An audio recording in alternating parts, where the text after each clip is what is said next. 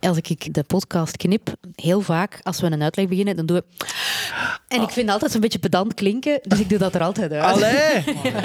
Huh? Je maakt ons minder pedant. Ja, ja. Eigenlijk. Ik heb dat blijkbaar ook, maar ik wist dat niet. Ah nee, want ik knip dat weg.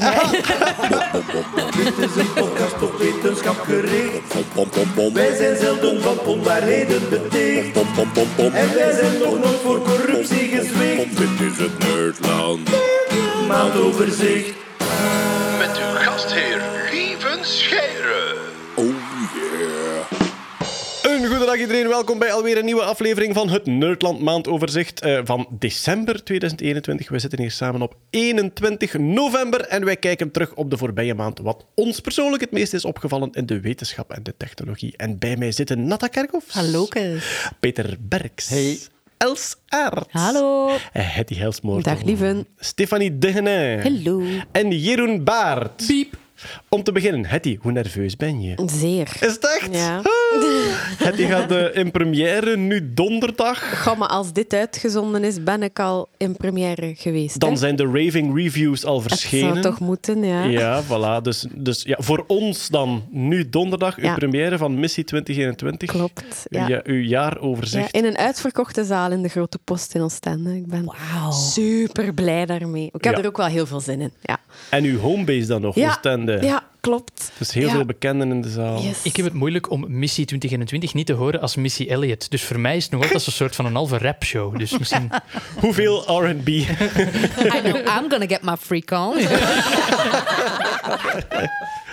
Goed, maar kijk, ja, die première komt eraan en we zullen al eens terugkijken op het nieuws van de voorbije maand. Wat ook nog bij 2021 hoort. Misschien ontdekken we nog een echte must die er nog, Die er snel, nog in moet, Die ja, er ja, nog ja. snel ingeschreven moet worden. Hè, tegen nu donderdag. Maar ja, sowieso, we gaan het op het einde ook nog vernoemen. Je gaat daarmee op tournee het volledige jaar. En iedereen kan naar hettyhelsmortal.be gaan om datums en locaties in hun buurt Klopt helemaal. te vinden.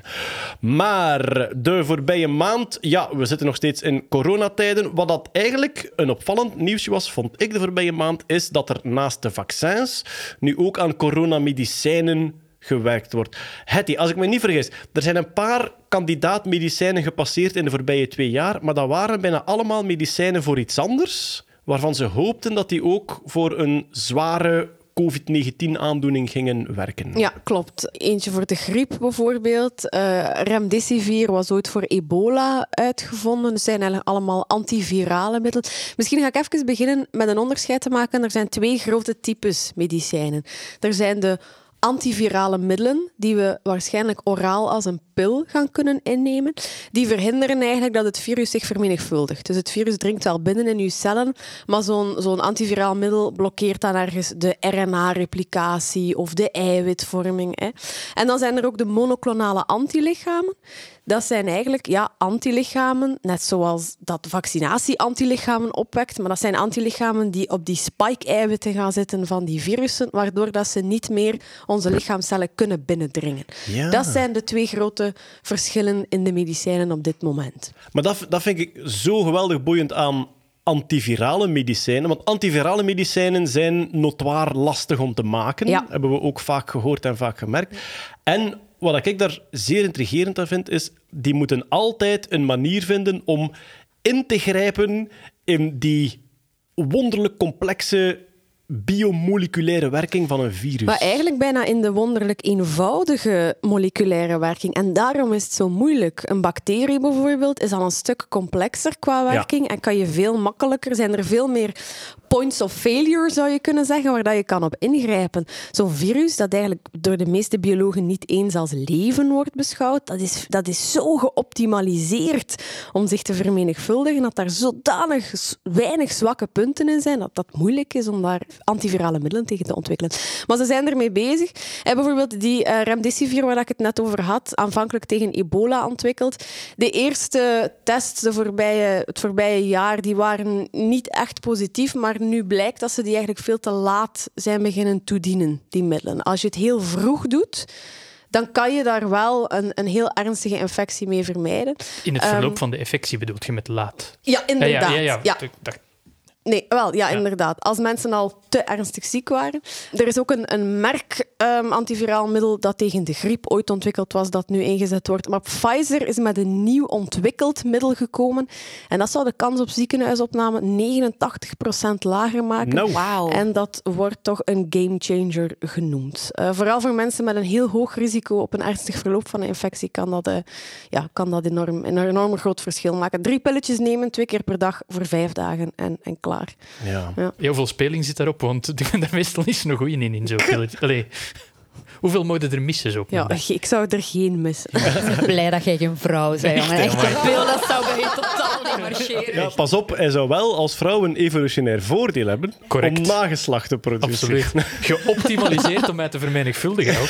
ja, ja, ja, dat is waar. Zeg, en Hetty, is dat dan is dat nu een beetje gevaarlijk om dat kenbaar te maken? Allee, ik denk dan aan de antivaxers, de mensen die zich niet willen vaccineren, van oh ja, oké, dat is goed, dan pakken we die pillen wel. Goh, ik, ik denk dat we twee dingen zullen nodig hebben in deze strijd. hè. Ik denk vaccins beschermen tegen een infectie, maar zijn niet 100% Dat weten we. Niet iedereen mag, niet iedereen kan. En van diegenen waar het wel mag en wel kan, werkt het soms om een of andere reden ook niet. Dus dan denk ik dat heel goed is. Vooral allee, als je ziet, die medicijnen zullen ingezet worden of zijn het meest werkzaam bij de mensen die, die een zeer hoog risico hebben op een heel ernstig verloop. En dat zijn vaak mensen met onderliggende aandoeningen, met comorbiditeiten. Dus ik, ja, bedoel, ik zou het niet omwille van de antivaxers de, de pil niet aankondigen of niet op de markt laten komen. Ik, Right. eh, ja. Ik ga even de man in de straat spelen. En de man in de straat is nu een Nederlandse wappie. Zeg, eh, president Trump, die heeft toch van die monoclonale dingen gehad. Waarom kunnen we niet gewoon allemaal een emmer eh, monoclonale huppelde pup nemen? Klaar? Ja, het ding met monoclonaal is dat is altijd een infuus of een injectie in de spier. Eh, die antivirale pillen, het grote voorbeeld daarvan is dat we dat gewoon oraal kunnen innemen. Dat zou ook de, de, de enorme gamechanger zijn. Ja. Want ik heb inderdaad ik heb zitten kijken naar die twee... Want het zijn twee medicijnen die in ontwikkeling zijn. Het zijn er dus- veel meer. Is zijn, ja, ja, ja. Ah, oké. Op, wel, op de New York Times heb ik altijd verwezen, is er zo een vaccin-tracker, waarin dat alles wat... Van vaccin- Zimmer? Ja, van Karel Zimmer. Ah, ja, Maar ja. ze hebben ook een, een drug and treatment tracker. Dus dat, dat is wel heel nice. leuk om te volgen. Er zijn er veel meer in Die ontwikkeling. komen in de show notes dan. Hè? Ja. Want ik heb, ik heb, ja, inderdaad, zonder veel meer zijn, ik heb er van twee een soort verslagje gelezen. Mhm. Eentje daarvan, inderdaad, die dan als een, ja, een moleculeke dat op dat spike-eiwit past. Eigenlijk zou je kunnen zeggen, de inbreker wil binnen met de sleutel, maar je hebt plasticine op zijn sleutel gedaan en hij kan niet meer in het slot. En de andere vond ik geweldig intrigerend. Dus uw virus komt binnen, heeft een RNA-code in plaats van een DNA-code. Uw cel moet natuurlijk, om nieuwe virusjes te maken, moet die RNA kopiëren om die mee te sturen met nieuwe virusjes. En die stopt daar een soort valse letter in. Ja. Dat, dat is een medicijn dan een soort... Dus je hebt die ehm, ATG... Ja, er zit een U bij de, bij de, bij de U in RNA. plaats van een T. Ja. A-U-G-C, dus dat zijn de vier letters van RNA. En een van die letters, het medicijn, zorgt voor, laten we zeggen, de letter B. En er zit zoveel letter B in uw cel dat uw virus per ongeluk dat in zijn code schrijft en dus slecht kopieert. ja, dat is dat van Hacker- merken. hackermedicijn. Ja. Het is echt Dat hackermateriaal. is hè. die eh, molnupiravir. Ik vind het altijd moeilijk, die naam. Maar dat is dat medicijn van Merck dat ooit voor griep ontwikkeld geweest is en dat nu voor noodgebruik goedgekeurd is door, de, door het geneesmiddelenagentschap, de IMA. Ik vind wel dat we alle medicijnen die klinken als remdesivir als in een Trump-stem moeten uitspreken. When you would just take molnupiravir, it will magically go away. I don't know why Trump has a British accent now, but... Klinkt als wapens uit Lord of the Rings. En je hebt mijn bijl. Molnupiravir. Het is meer een elf. Trouwens, over die orale inname. Vorige keer in de podcast heeft iedereen mij uitgelachen van ah, Jeroen, een suppo. Dan stopt je toch helemaal niet met het botte eind eerst. Je stopt dan met het punch eerst. Het maakt niet uit, vrienden. Het maakt niet uit met welk puntje dat je het eerst... Want het, het is klein genoeg om... Als het toch niet uitmaakt, stop jij het dan maar met de pijnlijke kant Maar je eerst, moet al een Jeroen. verdomd klein rectum hebben voor als dan een pijnlijke kant is zeggen. Dat- Dat is echt... Maar waarom maken ze daar een puntje aan dan? Omdat dat zo... Machine, ik weet het niet, Els. Omdat dat machine dat in een puntje Maar als je nu maakt. een hele lange, lange worst maakt en je doet die gewoon tak, tak, tak, tak, tak in stukjes, dat is toch gemakkelijker dan dat je... ze maken pillen niet in worstjes, hè. ze maken pillen in, in puntjes. Hè. Ja, voilà. En kubiscus voor de bombats. Hè. Cubit, eh, ja, de kubis eh suppo. Maar Het is, het is een menu, de kubusjes van Jeroen! Sorry, het was echt een hectisch, een hectisch weekend. Het is echt vreselijk. Maar ja, er was al iemand op Twitter die zei van... ah, Oké, dus in de diepvries van Lieve Scheire zit er een dood vogeltje al een jaar en een wombatkak. Ja, dat zit daarin. en toevallig daarnaast ligt er een, een, een, een hele... En Peter gaat mij snappen. Ligt er een eh, hele plastic zak vol met keukenpapier... eh, waarin dat hoogstwaarschijnlijk heel veel wandelende takkeneitjes kleven. Want ik wil niet dat er nog 30 van die takken uitkomen in mijn ding. Dus ik heb die in een diepvries gestopt. Dat moest van Peter Bergs. Voilà. Dus inderdaad, dat eten we vanavond. Maar goed, qua medicijnen, ik denk, het kan, kan heel verwarrend zijn. Er zijn er heel veel, heel veel die her, eh, herschaald worden richting eh, van ebola naar covid. Maar ja, ze zijn in aantocht en eh, er is een, een leuke tracker om ze allemaal te volgen. Ja, voilà. Want kijk, over de, over de COVID-situatie van nu gaan we niet al te veel zeggen. Want tegen dat de podcast uitkomt, het gaat zo snel vandaag de dag dat het toch weer geëvolueerd gaat zijn. Ja, we zitten in een immense stijgende lijn in België. Door de vaccins vallen de, allez, zijn de ziekenhuisopnames lager dan, veel lager dan ze vroeger waren, met diezelfde stijgende lijn. Maar enfin, we zitten wel een beetje Oh, in... eh, oh, wij hoorde zitten- dat? Hoorde dat? Dat is het geluid van weer een sector die dicht gaat. Hè? Wij zijn hier trouwens allemaal eh, gevaccineerd en gesneltest voor de opname. Dat is misschien belangrijk om te vermelden. We hebben allemaal een sneltest genomen voordat we hier samen gingen hokken. Ehm, ja, verder in het eh, coronanieuws eh, zag ik nog een artikel passeren. Wetenschap zoekt mensen die coronaresistent zijn. En ik vond dat nu echt wel heel boeiend, omdat ik heb een kameraad die bij Artsen zonder Grenzen werkt en die in ebola-gebied gezeten heeft. En die zegt, sommige families zijn eigenlijk unaffected. Dus sommige families, en uiteraard, het is, ze, er is nog geen onderzoek naar gedaan, dus ze kunnen nog niet zeggen, is het toevallig of niet, maar hij zegt, het valt echt op dat hele gezinnen, hele families veel minder last hebben van ebola dan anders. Nu, eigenlijk de logica zelf. In de geschiedenis zien we met elke pandemie dat het een soort genetisch uitselecteren is. Als je toevallig het geluk hebt dat je de juiste eiwitjes wel of niet hebt, dan zijn er er beter tegen bestand. En dus, er is nu eh, vanuit de, het UZ van Leuven, denk ik... Ja. Zij werken mee, ja. Ah ja, UZ van Leuven werkt mee. En dus wat ze eigenlijk zoeken is, en de omschrijving die erin stond was, mensen die met hun gezin in quarantaine gegaan zijn, die hoge blootstelling gehad hebben, dus die zeker zijn van hoge blootstelling met een positief persoon. Hè. En het voorbeeld dat zij geven is, uw partner is positief en jij niet, en je hebt besloten, wij gaan gewoon verder als koppel samenleven zonder maatregelen, wij slapen samen, enzovoort, enzovoort. En toch heeft de andere geen COVID gekregen. Die mensen zoeken zij. Want Ja. daar willen zij dan, als ze daartoe bereid zijn, willen ze kijken in hun DNA wat daar de specifieke dingen van zijn, in de hoop dat ze bepaalde ja, eiwitstructuren ontdekken die zij van nature hebben en die ze misschien in medicijnen kunnen reproduceren. Ja, voor HIV is dat ook. Hè. Er zijn mensen die van nature immuun zijn tegen HIV. Die missen eh, 32 letters in de CCR5-receptor. En dat is exact dat wat onze Chinese vriend Ge Jiankui Ja. heeft aangepast of willen aanpassen bij die meisjes. Hè. Ja. Dus hij, heeft, ja, hij wist van nature, als je 32 letters mist, ben je resistent. Ik ga die daar, als zij nog embryo zijn, uitknippen. Eh, ja, ze zoeken meer dan duizend proefpersonen om aan die studie mee te doen, omdat je anders geen, geen genetische conclusies kan trekken natuurlijk. Ik ben ook benieuwd eh, of daar iets zal uitkomen. En wel, ik zou denken, maar ik kijk naar u, maar ik zou denken, daar zal ooit wel iets uitkomen. De vraag is, gaat het volgend jaar zijn of over 10, 20 jaar? Ja, ik denk dat dat, dat op iets langere tijdsperiode... Ja, ja. Maar het kan misschien nuttig zijn voor andere coronavirussen ook. Ja, hè. ja. Het kan- klinkt ook een beetje als de synopsis van elke mogelijke zombiefilm. Zo. Er zijn toch ook veel zombiefilms waarin dat er iemand gebeten kan worden door zombies, maar dan toch geen zombie wordt. En die moeten ze dan uiteenhalen Oh. om het medicijn te maken. Zombie-resistentie. Ja, Zombie- dus ja. als je niet doodgaat aan de zombies, trekken ze wel uit elkaar om... In een labo, ja. Oké, ja, ça va. De website, voor mensen die zich nu aangesproken voelen en die zeggen van, ah, wel ja, eigenlijk wel. Ik heb bewust hele hoge blootstelling gehad in mijn gezin en toch niet eh, besmet geworden. De website is www.covidhge, dus allemaal aan elkaar, covidhge.com slash contact. We zetten het sowieso ook in de show notes en dan kan je misschien de wetenschap helpen op die manier. Ja, we gaan naar de ruimtevaart. Jeroen, innovatie in de ruimtevaart. Ja. Normaal ben ik niet zo'n ruimtevaartkenner in de podcast, maar dit zag er gewoon zo leuk uit. Heb je wel eens vroeger in een speeltuin in zo'n ding gezeten? Zo'n soort van draaitafel. En in het midden is een soort van ronde schijf. En je draait eraan. En je draait totdat iedereen moet kotsen en de laatste wint. Ja, dat, je- Oh, Ja. ja. Ja, je laat je dus eigenlijk het met de, in de kikkertjes.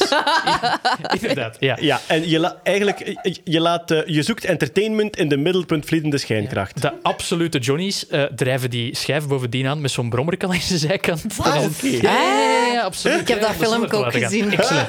Anyway, er is nu een bedrijf die denkt van, kijk, wij gaan zo dingen in de orbit rond de aarde brengen. Want dat, wat, wat is hun concept? Zij maken één grote eh vacuümgezogen slaazwierder, basically.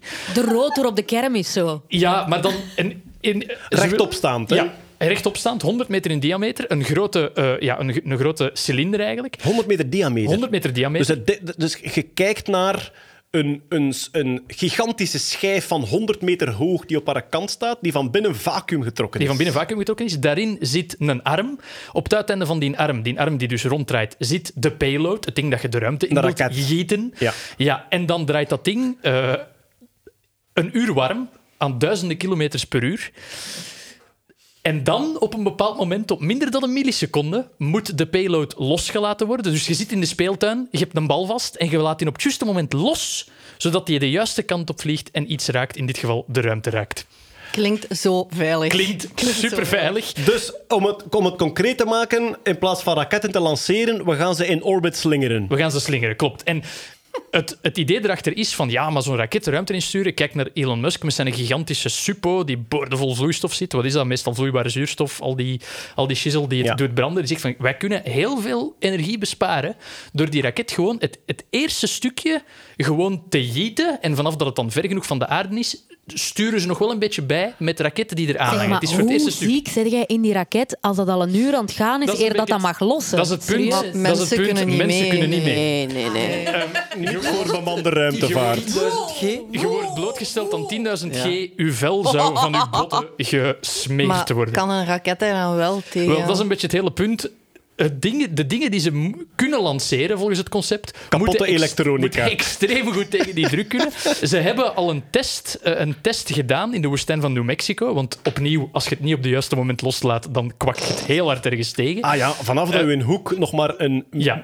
een fractie van een graad verkeerd is, komt er totaal Dus anders stad, uit. Ja. stad neergemaaid. Oeps. Eentje van 20 meter diameter en daar hebben ze al iets mee gelanceerd dat gewoon terug naar de grond gekomen is. Dus het is zelfs nog niet suborbitaal geraakt. Het is gewoon, ik zag het op Twitter passeren en het is gek dat dit funding gekregen heeft en ook kosten-baten. Ja, je spaart veel raketvloeistof uit, maar die centrifuge moet wel eerst nog een uur aan gigantische hoge snelheid draaien. Maar ehm, je draait in een vacuüm. Ja, Hoe kom je daar dan uit? Wel, de, het vacuüm is, afges, is afge... eh, dus het schachtje waar dat je uiteindelijk loslaat, Ja. is met een soort van dunne film afgezet. Die film die net sterk genoeg is om het vacuüm in stand te houden, maar toch ook zwak genoeg. Zo, het- precies het soort van velken op een yoghurt, Ja. waar dat je dan doorschiet. Ja, Voor een, voor een vacuüm heb je iets sterker nodig dan dat. Dan een maar, dus, van een yoghurt, ja. maar dus de bedoeling is dat dus, je hebt, je hebt je gigantische schijf van 100 meter hoog die op zijn kant staat, die Ja. volledig vacuüm is. Maar daar zit ook nog een soort buis aan als Ja. uitgang.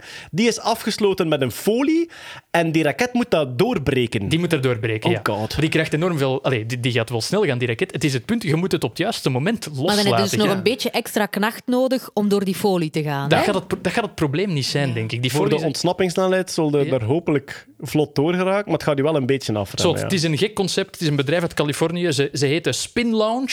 Eh, want ja, De naam zegt het zelf. Het idee is niet nieuw, wist onze goede vriend Bert Hubert. Me, eh, Ah, Bert hemzelf, Hubert, van- ja, ja. hemzelf, die, die man is thuis van alle, van alle eh contraien. Eh, die wist te zeggen van ja, het is kosten-baten is het waarschijnlijk niet efficiënt genoeg. En de, de kans dat je er effectief iets mee deftig gelanceerd krijgt, dat het overleeft. Plus, er moeten ook nog raketmotoren mee voor het tweede stuk. Ja, ja. Maar ja, Dus- ook, je hebt, je hebt onvlambare raketvloeistof en je steekt daar op een, op een gat van In een fortuin. Klopt, klopt, klopt, klopt. What could go wrong? Het is inderdaad wel het is zo rad van fortuin op speed. Is het eigenlijk. Ja, Ja. ja. oké. Maar het, het feit dat het momenteel bestaat en getest wordt, is eigenlijk al... Het idee dat het gefund geraakt is, is gewoon heel... Het is, het, het is voor mij bijna in dezelfde eh, categorie als de ruimtetrampoline. Zo van, als we nu trampolines plaatsen om de zoveel honderd meter, dan kunnen we iets in de ruimte botsen. Het is, Het is, het is dat concept, maar dan op een of andere manier met veel Silicon Valley geld achter. Dus ja, ik wil het zien. Ik weet al een payload die ik ga meesturen. Tardigrades. Tot Ah, die 10.000 G, dat hebben we met die mannen nog niet getest. Nee, dat Alle is nog niet getest, dat is wel. waar. Ja, Tot inderdaad. 200 kilogram kunnen meesturen. Ja, Dus maar die kunt- wegen niet veel, hè? Dat is waar.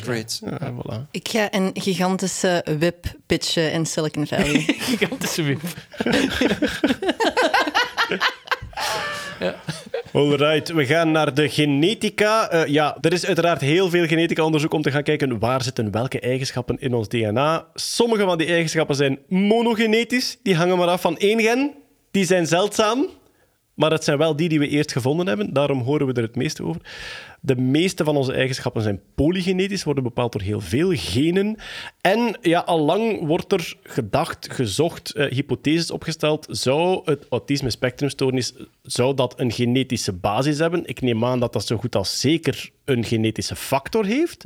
Maar waar zit dat precies? Dat het polygenetisch is, dat, is, dat ligt eigenlijk al vast. En dan is het onderzoek, welke genen zijn dat? Eh, hoe werken die samen? Eh, welke combinaties geven welk resultaat? Enzovoort. Stefanie, daar is een onderzoek naar eh, gebeurd, maar daar is ook protest tegen. Ja, het onderzoek ligt eventjes stil. Er is een onderzoek gestart. Het heet Spectrum 10K. En dat is een onderzoek van de University of Cambridge. Met hoofdonderzoeker Simon Baron Cohen. Niet te verwarren met Sacha Baron Cohen. Is, is het zijn broer? Neef. Het is de neef. Ah, het is de neef. want- Ja, ja, maar Ja. zijn broer is ook wetenschapper hè, van eh Sacha Baron Cohen.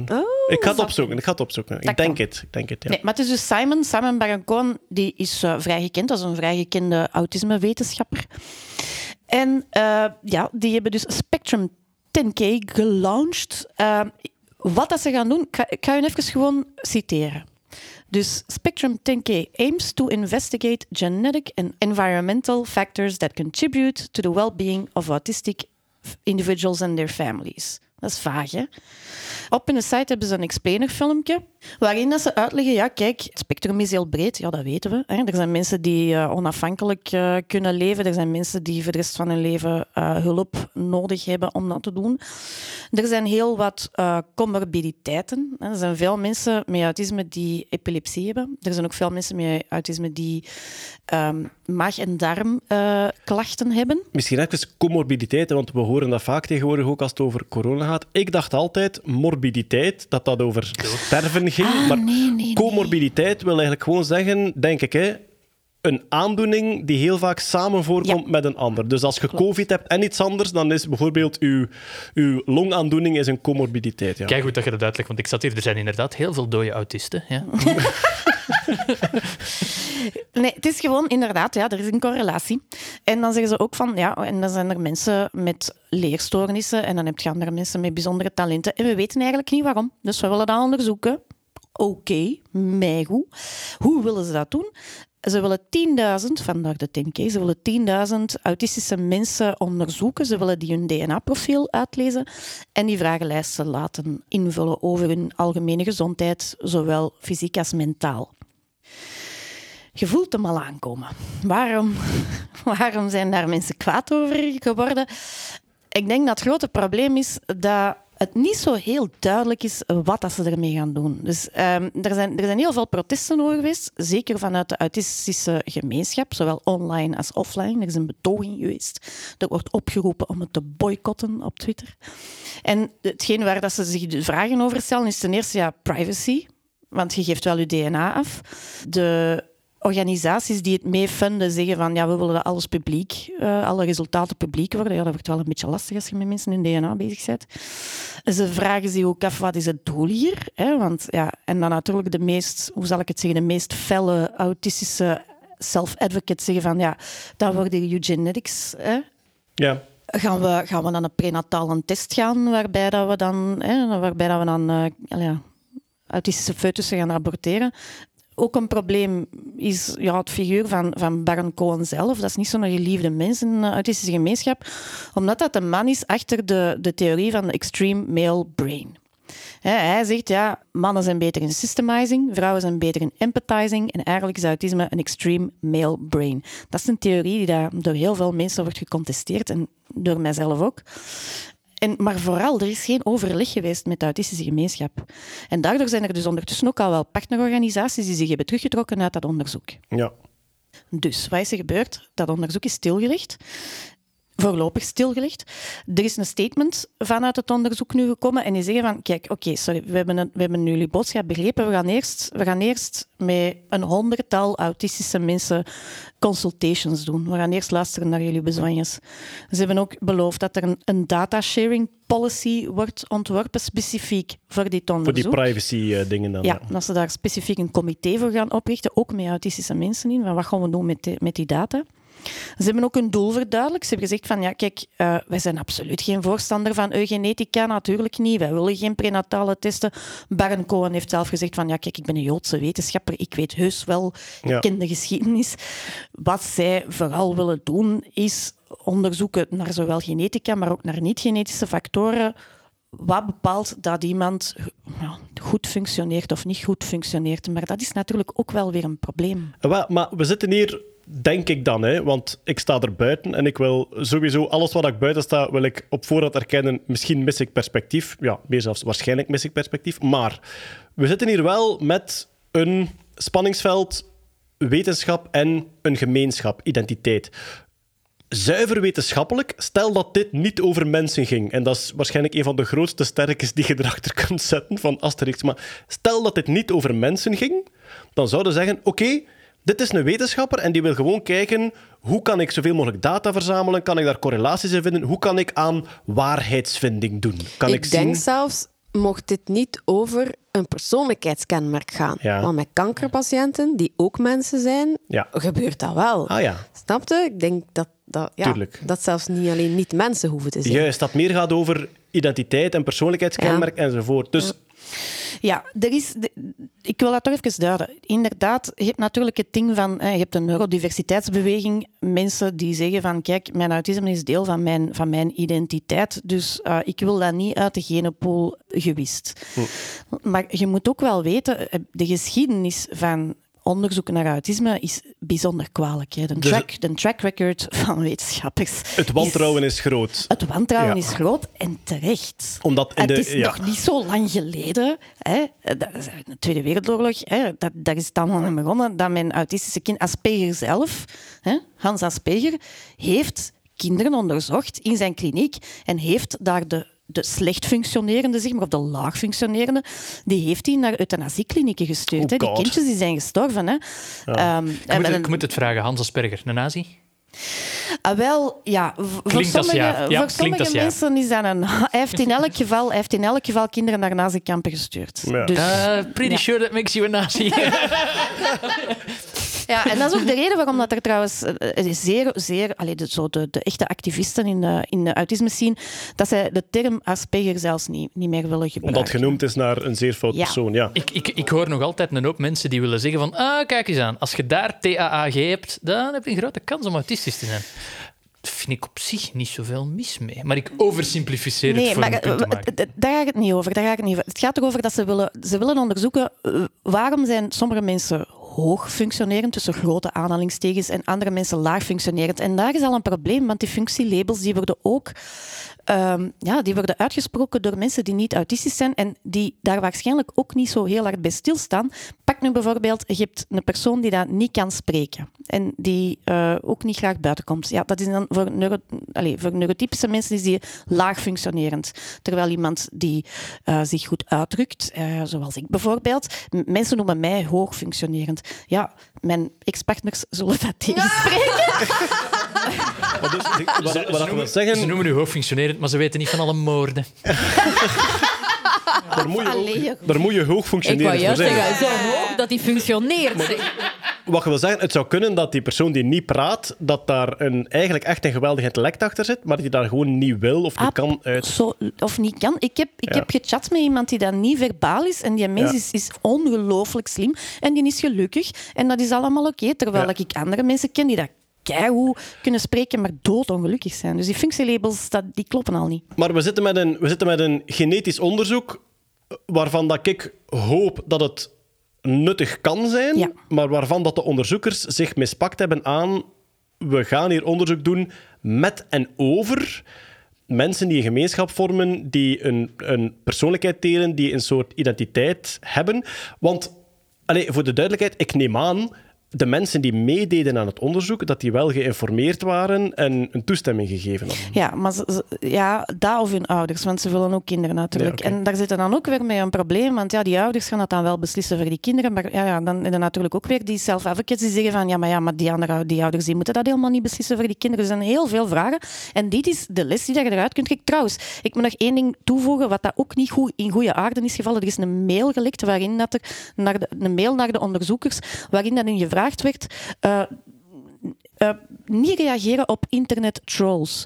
Ja, moet je niet doen, want allee, er, zijn, er zullen wel internet trolls zijn, maar er zijn ook een hele hoop autistische mensen die op, die op Twitter zitten, die daar ja, oprechte eh, bezwaren tegen hebben. En dan noemen ze die trolls. Ja, het, is, het is een heel goed voorbeeld, vind ik, van hoe dat je, hoe dat je een, een, een waarschijnlijk goed bedoeld wetenschappelijk onderzoek kunt opfokken door ten eerste niet goed te communiceren, ten tweede niet te gaan checken bij de personen over wie dat het gaat, of dat het wel of dat het zinnig is, of dat het, of dat het oké is. Allee, dus, en, en Hitty heeft dat ook al gezegd. Hè. We gaan daar echt over moeten nadenken. Allee, we hebben nu dat genoom, we kunnen dat uitlezen, we, gaan- we kunnen daar van alles nog nieuw over, over, over leren, maar je moet wel even nadenken op voorhand, wat ga je daarmee doen? En je moet dat heel goed communiceren. Ja, ik denk dat we hier een hele podcast over kunnen maken. Hè. Dat is waar, Maar ja. eh, wacht, twee dingen die ik mij afvraag. Ehm, kan er, wat zou er kunnen uitkomen dat nuttig is voor de autistische gemeenschap? Eh, in de eerste, ja, ik denk dan in de eerste plaats inderdaad aan die comorbiditeiten. Hè. Die, die maag- en darmstoornissen die zijn inderdaad super prevalent. En dat is Komt heel vaak voor samen met- Komt met- heel echt? vaak voor. Ah, oké. leaky, eh, leaky darmsyndroom of zoiets. Ja. We, we kennen daar niet zo heel veel over. Dus ik denk zeer zeker. Epilepsie van hetzelfde. Dat moeten we gaan onderzoeken. Ja, mental health. We weten ook, ja, eh, de suïcidecijfers zijn denk ik maal zeven binnen een autistische gemeenschap. Dat is natuurlijk niet goed. Daar moeten we inderdaad iets aan doen.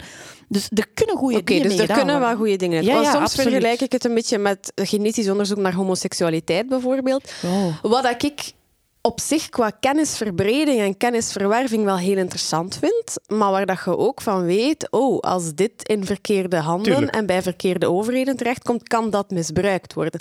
Maar als ik hier dan hoor, ja, oké, daar kan wel eh, iets positiefs uitkomen. Ik denk, ja, dat is heel moeilijk. Hè. Ik denk inderdaad dat we meer en vaker moeten communiceren met de, de gemeenschappen waar dat we onderzoek over doen. Maar ik weet ook niet of dat altijd even goed is om, om eerst te vragen aan iedereen of dat we wel iets moeten gaan onderzoeken voordat we het echt Dus Ja, het gaan spanningsveld Ja.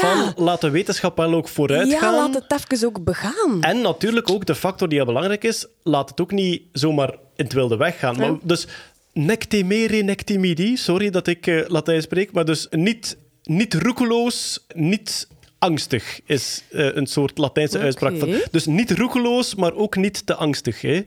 Nec temere, nec timide. Maar ja, de vraag is, wat is dat dan? Wat is Ah, dan wel, het ik ga u een voorbeeld geven van een good practice. In België, ik zit daar zelf bij, we hebben LAVA, de eh, lees- en adviesgroep Autisme. Dat zijn een hoop volwassenen, waaronder ik zelf.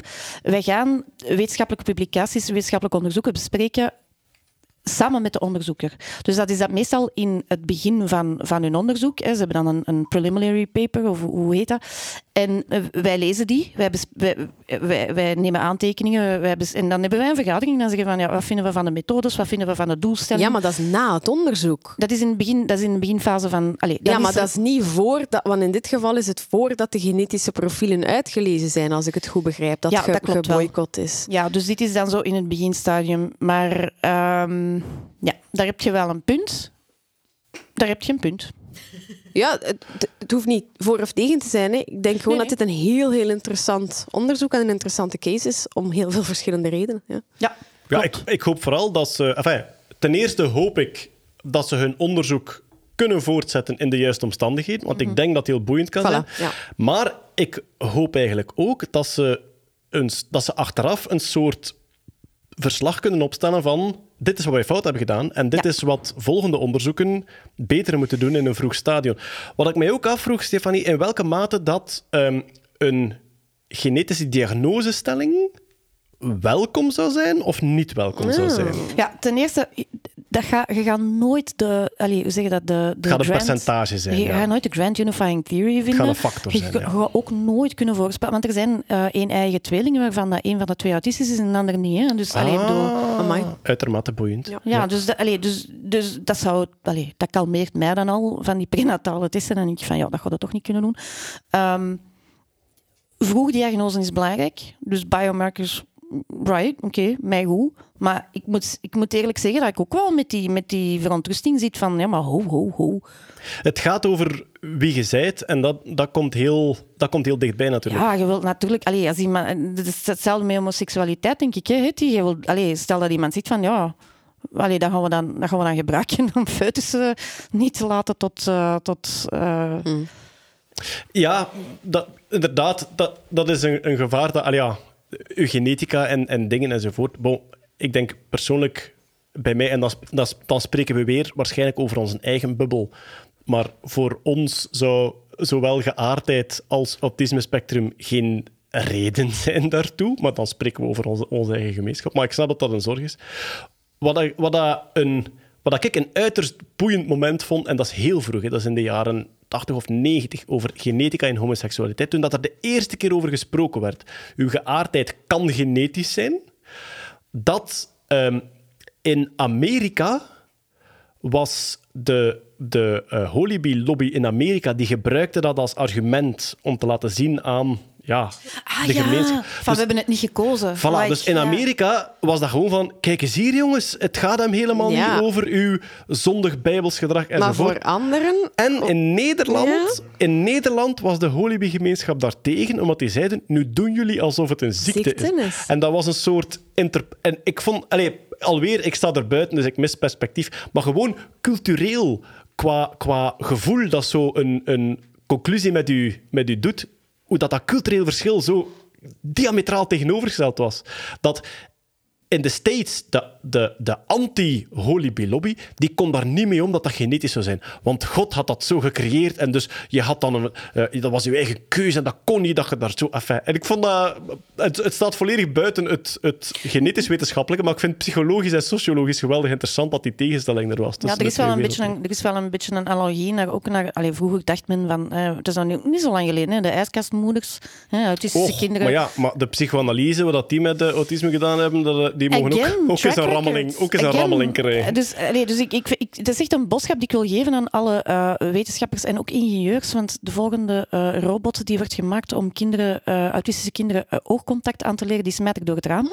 Eh, Dat is geen probleem. Oogcontact is geen probleem. Eh zwart. In elk geval, nee, ik wil gewoon zeggen, just know your history, man. Weet waarvan dat het komt. Maar ik snap inderdaad dat het wantrouwen groot is omwille van de geschiedenis. Ik snap ook dat de, dat de reactie heftig is omdat het gaat over identiteit, persoonlijkheid en niet zozeer over eh, something quirky. Het gaat niet over de ziekte van Crohn. Allee, pas op, ziekte van Crohn is ook iets waar dat mensen mee leven, maar het gaat dan echt over, over persoonlijkheid. Dus ik snap het volledig. En ik hoop dat dat onderzoek kan verder gaan onder een, ehm, ja, beter geïnformeerd door de gemeenschap zelf. Het is er net, we zouden hier een hele podcast aan kunnen wijden. We gaan geen hele podcast wijden aan dit onderwerp, maar Stefanie, we hebben wel beginnende plannen om een podcast over autisme spectrum te gaan doen. Yes. Met eh, ja, zowel professoren die daarin gespecialiseerd zijn, als mensen die zelf op het spectrum zitten. En, enfin, ehm, omdat voor mij ook, ik, heb redelijk wat vrienden in de omgeving die op het spectrum zitten. Ook met Asperger, als, het nog zo, als ik het nog zo mag noemen, nadat ik, ik weet... ik blijf het wel aspergeren. Ja, voilà. Ehm, en ik vind het geweldig boeiend op welke manier ja, dat je naar de wereld kijkt of ervaart en, en wat het verschil is met neurotypische Ja, mensen. en er zijn heel wat misvattingen die, die we toch nog de wereld uit kunnen, kunnen helpen. Dus we gaan Voilà. dat doen, hè, lieve. We gaan beginnen met de film Rain Man. Ik wil terugkomen, ik wil terugkomen op uh, Liefdes en Latijn. Wat was dat? Nectim... Nectemere nectemide. Ja, ik kom uit op Mira Nectar Multimode Showerhead in Chrome. Dus te Nee, het over dat is, eh, eh, nee dat, is- dat is een soort smaak van fruitsap, denk ik. Ah, ja. eh, wat je nu op... Nectemere nectemide. Ja. Ah, nee, ik ga nog eens NEC, googlen. hè? Ja, ja, ja, NEC. ja, ja, ik heb ja, ook ja, Grieks-Latijn gedaan, rustig daar. We zien wel of eh, Bart de Wever het ooit gebruikt bij een volgende verkiezingsoverwinning. Nee, we gaan er verder niet op ingaan. Goed, ehm, we blijven in de life sciences. Niet zozeer in genetica, maar de vruchtbaarheidsbehandeling behandelingen, Hetty. We, we hebben natuurlijk... eh, ja, de proefbestbaby is 40 jaar oud ondertussen, denk ik. Van de allereerste. 78, denk ik. Dus, eh, Haar familienaam was Brown. Louise Brown. Ja, Ja. Brown- Louise was ik vergeten. Brown heb ik zo ooit eens van buiten geleerd voor een populaire tv-quiz waar ik aan deelgenomen had. Maar... En gewonnen Oh heb. ja, oh ja, ja, ons toemelings. Maar ja, vruchtbaarheidsklinieken, daar eh, gebeurt van alles. Maar er is nu toch wel een bizar verhaaltje opgedoken deze Maar maand. ja, inderdaad. Ik schrok zelf toen ik het las. Ehm, ja, er is een babywissel gebeurd, blijkbaar. Ja, in een fertiliteitskliniek in Californië. Ehm, ja, eh, het verhaal begint bij eh, de twee ouders die nu een klacht hebben ingediend. Eh, die hebben een dochtertje gekregen in september 2019, dus is wel al twee jaar geleden. En ehm, die dochter leek niet echt op een van beide ouders. Nu, dat gebeurt nogal wel, hè. Maar die omgeving, die schoonmoeders, die schoonvaders, die begonnen daar zo wat opmerkingen over te maken. Die moeder was dan na twee maanden kotsbeu dat die zo'n zelf-DNA-test heeft besteld om al dat gezever eigenlijk, ja, om daar voor Ja. eens en voor altijd van af te zijn. Die doen die test, die krijgen die resultaten in hun mailbox. Dat is ook soms de kritiek op, Per mail. op, op DNA-tests, dat daar weinig... ehm, Ja, ja. Maar zeker in die situatie, Ja, ja. inderdaad. Eh, van uw, uw kind heeft geen genetische band met een van uw twee. Ja. Van de ouders. Dat, eh, ja. Dan gaan zij terug naar die fertiliteitskliniek. Blijkt dat daar ehm, in dezelfde periode nog een ander koppel dat via IVF... Want IVF, allee, misschien voor alle duidelijkheid, dat is een eicel in het labo bevruchten met een zaadcel. De eicel wordt geoogst buiten het Voilà. lichaam bevrucht en dan Ja, ingeplant. En dan ja. ingeplant. En blijkbaar voor die terugplaatsing zijn, is er een wissel gebeurd. Maar dat vind ik, dat vind ik het, het, het ehm, belangrijkste, allee, enfin, het belangrijkste. Dat vind ik het- het- eigenlijk het, het zwaarste aan dit verhaal. Ja. We hebben al verhalen gehoord van babywissels na de geboorte. Mhm. Deze vrouw heeft dat kind negen maanden gedragen. gedragen. Hè. Heeft Ja, daar borstvoeding aan gegeven. Heeft Dus de Wat, wat foetus- doe je dan in zij Ga je dat wisselen? zij niet? hebben na twee maanden die baby's geruild. Ja. Wacht, ja, Ja. wacht. Ja. Gelijk, gelijk Inderdaad. Nee, nee. Maar dus, Nee. zij hebben de baby's geruild, Ja. maar ze hebben vrij snel ondervonden dat dat emotioneel niet mogelijk was. Ja. Wat ik volledig snap. Uw, uw, uw, Ja. bond, uw, allez, uw band met een kind, dat ten eerste... De Vagina is gekomen, Ah, wel, maar dat Ja. is dus de band die je ontwikkelt met een kind dat je vlak na de geboorte bij je krijgt, is al immens. Als je dat nog eens negen maanden gedragen Ja. hebt en gezoogd en gelijk wat. Dus de band met het kind was te groot. En ergens, allee, wa- wat ik daar wel het schone einde aan vind, die wonen nu min of meer samen. Sa- ja, ze hebben een heel goed contact. dus die wonen ja. nu gewoon. Ah, de twee bij-. Ja, twee families zijn versmolten een beetje. Die wonen nu eigenlijk met vier ouders in een huis en met twee kinderen. Wonen ze echt samen of in dezelfde straat? Ik denk dat het vlakbij is. Ik denk dat ja. de huizen naast elkaar zijn. Maar, en persoonlijk denk ik, want toen ik dat las, je kent dat, hè, dat je zo s'avonds in je bed ligt en zo begint te malen van wat als ik nu en stel je voor en wat zou ik doen. En ik kwam maar op één oplossing uit en dat is, je gaat echt gewoon met vier, met vier samen gaan wonen. Want wat kun je in godsnaam doen? Ik bedoel, het, het, is uw, het is genetisch uw kind, het ene. En het andere heb je zodanig biologisch en psychologisch mee gebonden Ja, dat dat ook uw kind is. Want ook alles, de zuurtegraad in uw baarmoeder en zo, dat, Dat is heeft het, ook allemaal een invloed op Ja, ja. hoe een kind ontwikkelt. Leg, dat uit aan die kleine is later. Ah, ongelooflijk. onze buren waar je zo keer op lijkt. ik denk, de, de, de Facebook-knop It's Complicated is uitgevonden voor dit gezin, eh, voor deze vier Ik mensen. stel me nu gewoon voor dat die andere ouders zo echt mensen zijn met wie ik totaal niet overeenkom. En dan Ja. moet je gaan samenwonen. Zo echt zo van, I don't dacht know, dat ja. Tom Cruise. Echt zo van, Antivaxers. ja, zo racistisch trailer trash of zo. En dat je dan van, ja, wij zijn een gezin nu. Ja, ja, ja. Oh, Maar dus man. moraal van het verhaal, in plaats van finders keepers, is als het mijn foef komt, is het van mij. Excellent. Ik denk, pas op, in, in veel rechtszaken is dat geen geldig argument, Nee, nee, Nat, hè. Dus voordat je een harde schijf gaat stelen ergens... En is er, is er een, een schuldige gevonden in dat ziekenhuis? Allee, sorry, in mijn kop is dan een stagiair, maar dat is, dat is eigenlijk, hebben niet, nu dus- eigenlijk niet om met te lachen. Hoe, hoe is die dat kunnen gebeuren? Ze, Voilà, hebben- het is ze dat voor hebben mij. nu een klacht, gewisseld. een klacht ingediend en ik denk dat ze dat gaan onderzoeken. Maar ik denk, allee, Els en mijn kinderen komen uit- ook uit een vruchtbaarheidsbehandeling.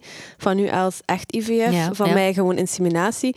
Maar dat blijft toch altijd zo, what the fuck? Dat is ook, er worden zoveel kinderen IVF gemaakt met donorsperma. God weet hoeveel zijn er gemist. Want ja, als dat niet op u lijkt, dan denkt je, ja, we kennen die donor toch niet. Ja, ja, Het zal wel op een donor lijken. Ja. Ja, maar ja, dat is ook met dat die 23andMe Consumer Genetics Ah, wel, steeds meer uitkomen. Ja, Voilà. gaat er ook... Dat is eh, door die beschikbaarheid dat dit nu aan het licht is gekomen. Ah, ja, ja, ja, voilà. Ja, ik, snap, ja, ik snap mijn vader nu vroeger. Die had de neiging, omdat die had zo een Dino-labelmachine gekocht. En alles in huis moest een label krijgen. En dit is precies zo'n situatie waarin Patrick Baart met zijn Dino-labelmachine de boel had gered. Dus- We, we hebben thuis hebben wij elk nietjesmachine heeft een label voor wie dat is. Heb jij, heb jij babyfoto's met zo'n label? Ja. De oproep is, hebt u een IVF-kliniek? Ja. Bel één persoon. Patrick Baart met het Dino-labelapparaat. Dat gaat niet gebeuren. Ik moet, het... ik moet wel zeggen, ik vind dat super straf dat die mensen zoiets hebben gehad van ja, ik wil toch mijn biologisch kind. Ik denk echt, als, als ik dat al twee maanden aan... aan Ja, ik, zou, ik denk dat ik zoiets heb... Weet je, het is dat van mij. Laat ons gewoon vergeten, het is dat van mij. Maar ze hebben gelijk dat ze klachten indienen. Ik denk dat Ja, de, sowieso. De Maar trauma's, dat dat, dat, dat mogelijk veroorzaakt bij ouders, als bij toekomstige kinderen, als bij broers en zussen, als Maar bij die ja, ja, ja. kinderen zelf. Tuurlijk, en, en, en dat moet, dat moet, daar moet iets mee gedaan worden, maar ik zou dat niet afgeven. Maar die moeten, geweld- die moeten geweldig begeleid worden en die moeten een, vo- allee, in mijn ogen een immense schadevergoeding krijgen, financieel, om die, om die psychologische begeleiding. Want ik, ik denk dat daar een optimale psychologische begeleiding van bestaat. Alleen ik ken ze niet en dat zal specialisten voor zijn. Hè. Bonding, allee, zo de, de- gewoon al de biologische band dat je bij, simpelweg bij, bij knuffels al aanmaakt hè, via je oxytocine. En goed, het is allemaal nog niet in kaart gebracht. Maar laat staan bij een geboorte, zeg. Een Ja, maar dat kind geboorte, zelf ook, gelijk dan Ja, dat, zegt? Dat, Weet je, allee, ik heb geen biologische band met mijn dochter. Hè, en misschien kijk ik daar anders naar. Hè, maar dat is echt zo... Mine is mine. Maar Maakt natuurlijk. uit. Ah ja, dus je wilt zeggen, het, je, wilt zeggen, je bent eh, niet genetisch verwant en Ja, ja. Jij, jij waart niet de zwangere vrouw toen, maar dat is wel iemand die geboren is in het koppel van toen. Natuurlijk hebben daar niet mensen een band mee. Je ziet dat klein zijn, je ziet dat opgroeien, dat komt je knuffelen, dat komt problemen vertellen, je babbelt daarmee. Ja, bon- bonding is zoveel meer dan, dan genetica en biologie. Hè. Dat, ja. Ja, ik snap, ik snap het volledig dat dit Amai. de meest... Allee, dit is de meest complexe situatie die ik ooit gehoord heb.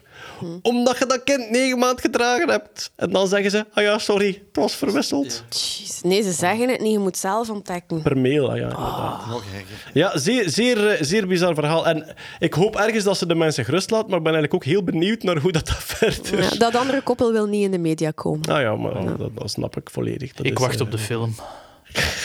Maar waarschijnlijk komt hij Oh, erin. niet? tuurlijk, dat is toch puur Oscar-materiaal. Ja, dat dat heeft Misschien wel, ja. eh, Ryan Met de Olsen twins. Ah nee, die zijn al te groot Ja, intussen. ja, Die kunnen dan de mama's zijn. Maar het is geen tweelingen. Ah. Ja. Ik heb Tom Cruise vernoemd, hè, maar ik zeg niks.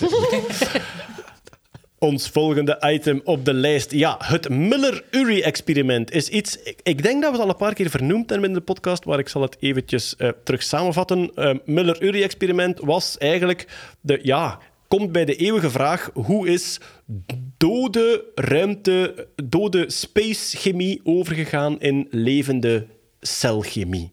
En als we kijken naar het leven op aarde, kunnen we heel ver terugrekenen tot als we aan de eencellige zitten.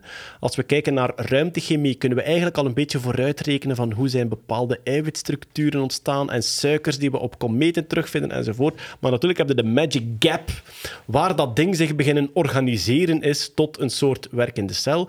Een van de bekendste experimenten is het Miller-Urey-experiment. En dat waren dan twee wetenschappers, Miller en Urey, die in een glazen fles de gasomstandigheden van de vroege aarde nagebootst hadden en daar dan bliksempjes doorgejaagd hadden, waren- want er waren toen al onweders hier op aarde, en die zagen na verloop van tijd dat er organische moleculen begonnen ontstaan. En dus voor hen was dat een argument, geen sluitend argument, maar een argument van kijk, op die manier is de organische chemie eigenlijk op aarde uit dode ruimtechemie ontstaan. En Peter, daar zijn nieuwe bevindingen, Ja. opmerkingen bij gemaakt. Even voor alle duidelijkheid, het experiment ging over water, waterdamp, methaan, waterstof en ammoniak. Oké. Dus dat was volgens Miller De het, oersoep? het oer, ja, Ja. de oersoep is het water dan, hè? maar de atmosfeer en dan de zee. Dus het idee was van oké, we hebben inderdaad, hè, dus we moeten proberen die oersoep te recreëren. Dat, dat was eigenlijk het gedachte. En dat kwam een beetje van, de oersoep was een idee van eh, de Rus Oparin, die heeft daar een, een, een boek over geschreven. Dat was al jaren twintig. En dan had je 1920, 1920. En dan had je ook nog eh, Darwin, die al- zelfs al met dat idee speelde van een, een warm poeltje waar dat het eerste leven in zou kunnen zijn ontstaan. En dat was eigenlijk wat Miller probeerde te recreëren van oké, goed, met de, de wetenschap van die tijd dachten ze het zijn methaan, waterstof, ammoniak en water. En dan inderdaad die bliksemflitsen, dat hebben ze dan gedaan met vonkjes erdoor, erdoor te jagen. Na een week zo'n experiment te laten draaien, hebben ze daar eh, suikers, aminozuren, vetzuren, beginnende lipiden, In het labo, hè? Gewoon in die fles. Ja. Daar is dan naderhand eh, zijn er heel veel experimenten geweest om dat ofwel proberen te weerleggen of om te bevestigen. Er is, dan, er is dan ook gezegd van ja, maar dat gasmengsel dat was een reducerende atmosfeer, dat was niet zo, er was meer CO2, er was dit, er was al heel veel discussie. Ja, het is uiteraard veel- allee, ja, het is, het is ondoenbaar om de vroege aarde na te bootsen in een Ze glazen hebben bolk. heel ja. veel verschillende mengsels getest. Altijd met heel veel verschillende resultaten. Maar ze kregen altijd uit zo'n primitief gasmengsel beginnende biomoleculen. Ja. En nu is er een Italiaans team van het eh, Instituut voor, eh, nu moet ik even spieken, moleculaire biologie en pathologie in Rome. Die hebben gezegd van, ja, er zijn nu zoveel experimenten in die tijd geweest. Het eh, experiment van Miller was van 52, 1952. Maar er is één constante die wij over het hoofd hebben gezien. Het is altijd in een glazen potje gedaan. Mhm. En zou het niet kunnen zijn dat dat glas ook een invloed heeft gehad op die reactie? En dus hebben ze gezegd, weet je wat we gaan doen? We gaan dat experiment herhalen met een glazen fles en met een teflonfles. Want teflon is inert. Inert. Ja, Ja. Teflon staat bekend om Ja. eh, inertie. En, En dan hebben ze nog een tussenvorm, een teflonfles met glazen splintertjes in. Hmm. En wat blijkt? De beste resultaten halen ze met de glazen fles. Maar er gebeurt wel iets bij teflon, of niet? Helemaal niets. Heel, nee, er gebeurde iets. Heel weinig. Ja. En wat is nu de theorie? Ze zeggen... ah, de, eh, De vroege aarde bestond uit glas. ja, Waarom lieven Voilà. geen wetenschapper werd? welk, welk element komt het meeste voor in de aardkorst? Silicium. Onder de vorm van silicaten. En eh, dum. Ze hebben het met een vrij hoge pH gedaan. Ze hebben het op pH 8 en op pH 11 gedaan. En wat blijkt, silicaten lossen op in zeer alkalisch milieu. En Dus de volgens... vroege aarde bestond wel uit glas. Ja. Waarom lief een beter wetenschapper geworden was. Maar, dus zij beweren dat die silicaten heel veel van die reacties zouden gecatalyseerd hebben. Allee zeg. Ja. Dus die mensen, of dat team, zegt eigenlijk was Miller nog vis- meer visionair dan dat hij zelf had gedacht, of dat wij hadden gedacht. Per ongeluk, ja. Maar ongeluk, ik ja. vind wel... Je kunt allee, de conclusie ook maken. In het begin was er methaan, ammoniak en één gebroken duvelglas. Daar is alles uit ontstaan. is dat niet de ontstaansgeschiedenis van Aalst? Ammoniakgas, Toen is de stad ontstaan, Ja, ja. dat kan ik ook verklaren. Maar ik moet nu wel zeggen, ehm, het is voor, allee, ik, ik heb wel een soort wetenschappelijke methode, aha-erlevenis. Ik vind dat wel super knap dat iemand dat inzicht heeft, dat is altijd in glas gebeurd. Ja. Want dat zijn zo typisch hetgeen dat we dan veronderstellen als eigenlijk ruisvrije omstandigheden. Ja. Maar daar zit dan toch een constante in die iemand telkens over het hoofd gezien heeft. Dat vind ik ook. En, en het grappige is dat dus in al die jaren heeft iedereen zitten kijken van ja, maar dat gasmengsel moet anders en er moet misschien... eh, want zelfs Miller had het idee gehad van oké, bliksem is misschien niet genoeg, we moeten ook de invloed van vulkanen doen, na proberen te bootsen. Dus wat deden ze? Stoomblazen op, dat plaatsje, op die plaats waar die vonken uitkwamen. En dat gaf dan weer heel andere resultaten, gaf zelfs meer, meer producten. Maar in de loop der tijden is altijd gekeken naar. Ja, maar dat gasmengsel moet anders, die vonken moeten anders. Niemand heeft gekeken naar dat glas. En dat vind ik inderdaad zo knap dat er nu ene zegt van. Hé, ja, maar wacht eens even. Ik heb, ik heb een, ik, ik heb een TED-talk-zin. Mag ik? De TED-talk-zin? Ja, Jeroen, ik, ik zie u al anticiperen. Daar gaan we. Hier komt, hier komt mijn TED-talk-zin over dit onderzoek. They were trying to think outside of the box, but nobody considered The box. Zijn er, nu, zijn er nu andere experimenten die opnieuw moeten... Zijn er nu heel veel andere mensen die zoiets hebben van oh mijn god, shit, Eigenlijk we hebben heel ook de biologie en de chemie Ja. en de fysica. En Al die, al die Ah, ja? reageerbuisjes. Ah ja, het is het, het is het nu te denken wat. Keiveel, keiveel laaghangend wetenschappelijk fruit, jongens, kom op. Het die denkt terug naar het kankeronderzoek. Ja, soms denk ik wel, Vergeet die podiumcarrière. ik... Nee, maar ik, ik vond het een heel boeiend, eh, eh, een heel Amai. boeiende Ja, ik vond het heel interessant, want eh, allee, ik zag daar en ik denk van, oké, ik, ik, ik, het idee van Miller toen der tijd om, om dat met die, met die gasmengsels eh, te doen, Ja. dat vond, ik, dat vond ik op zich al een, een heel knap idee om, om, om daarmee voor de dag te komen, dat uit te gaan proberen. Maar Ja, dan ja. nu, na zoveel jaar, Maar dan zeker Dat die extra twist dat Ja, er ja, ja. zoveel eh, silicaten in, in de aarde zitten. Trouwens, trouwens, wel Dus eh, Miller heeft, die, ik geloof dat hij in 2007 gestorven is, en die heeft een aantal van zijn flessen nagelaten die nog Hmm. nooit geopend zijn geweest. Allee? En die hebben ze in 2008 geanalyseerd. Miller had in zijn tijd vijf aminozuren gevonden, wat ik, op- wat ik op zich al, al heel knap vind. Van de Ik- 20. Van de 20. Nee. En er, ze bleken er alle 20 in te zitten. No! In de analyse van 2008 hebben ze ze allemaal gevonden. Oh. Oké. Dus hij had nog niet de, de, Ja. de, technisch, de, techni- Ja, ja. de methode. techniek om, Ja. om dat allemaal te kunnen zoeken. Ja. Kijk, sowieso Miller-Urey-experiment, zeer boeiend in de wetenschapsgeschiedenis en dus eh, extra inzichten opgedoken de voorbije maand. We gaan terug naar de ruimte, want in het ISS eh, ja, was er een soort alarmpje. De ISS-astronauten hebben een tijdje moeten schuilen. Was het, het was in de Escape-capsule zelf, in de Dragon en in de Soyuz, denk ik, hè, dat ze gezeten hebben. Ja, klopt. Ze zijn inderdaad moeten gaan schuilen. Ik denk dat het een behoorlijk alarm was zelfs, want dat gebeurt Ja. niet zo vaak dat ze moeten gaan schuilen in de capsules. Gewoon zodat ze eigenlijk een heel snelle ontsnapping konden plannen, mocht dat nodig zijn. Want dat is iets, dus eh, in het ISS, eh, daar hangt altijd, dus ja, er, komen, er, er worden crews gebracht en er gaan crews terug weg. Je zou kunnen denken, een capsule brengt een bepaalde crew, de volgende gaat daarin en die vertrekt daarmee. Dat gebeurt eigenlijk nooit. Er is altijd... Er zijn altijd genoeg capsules aanwezig om iedereen die in het ISS zit te kunnen evacueren. En vroeger was dat altijd een Soyuz.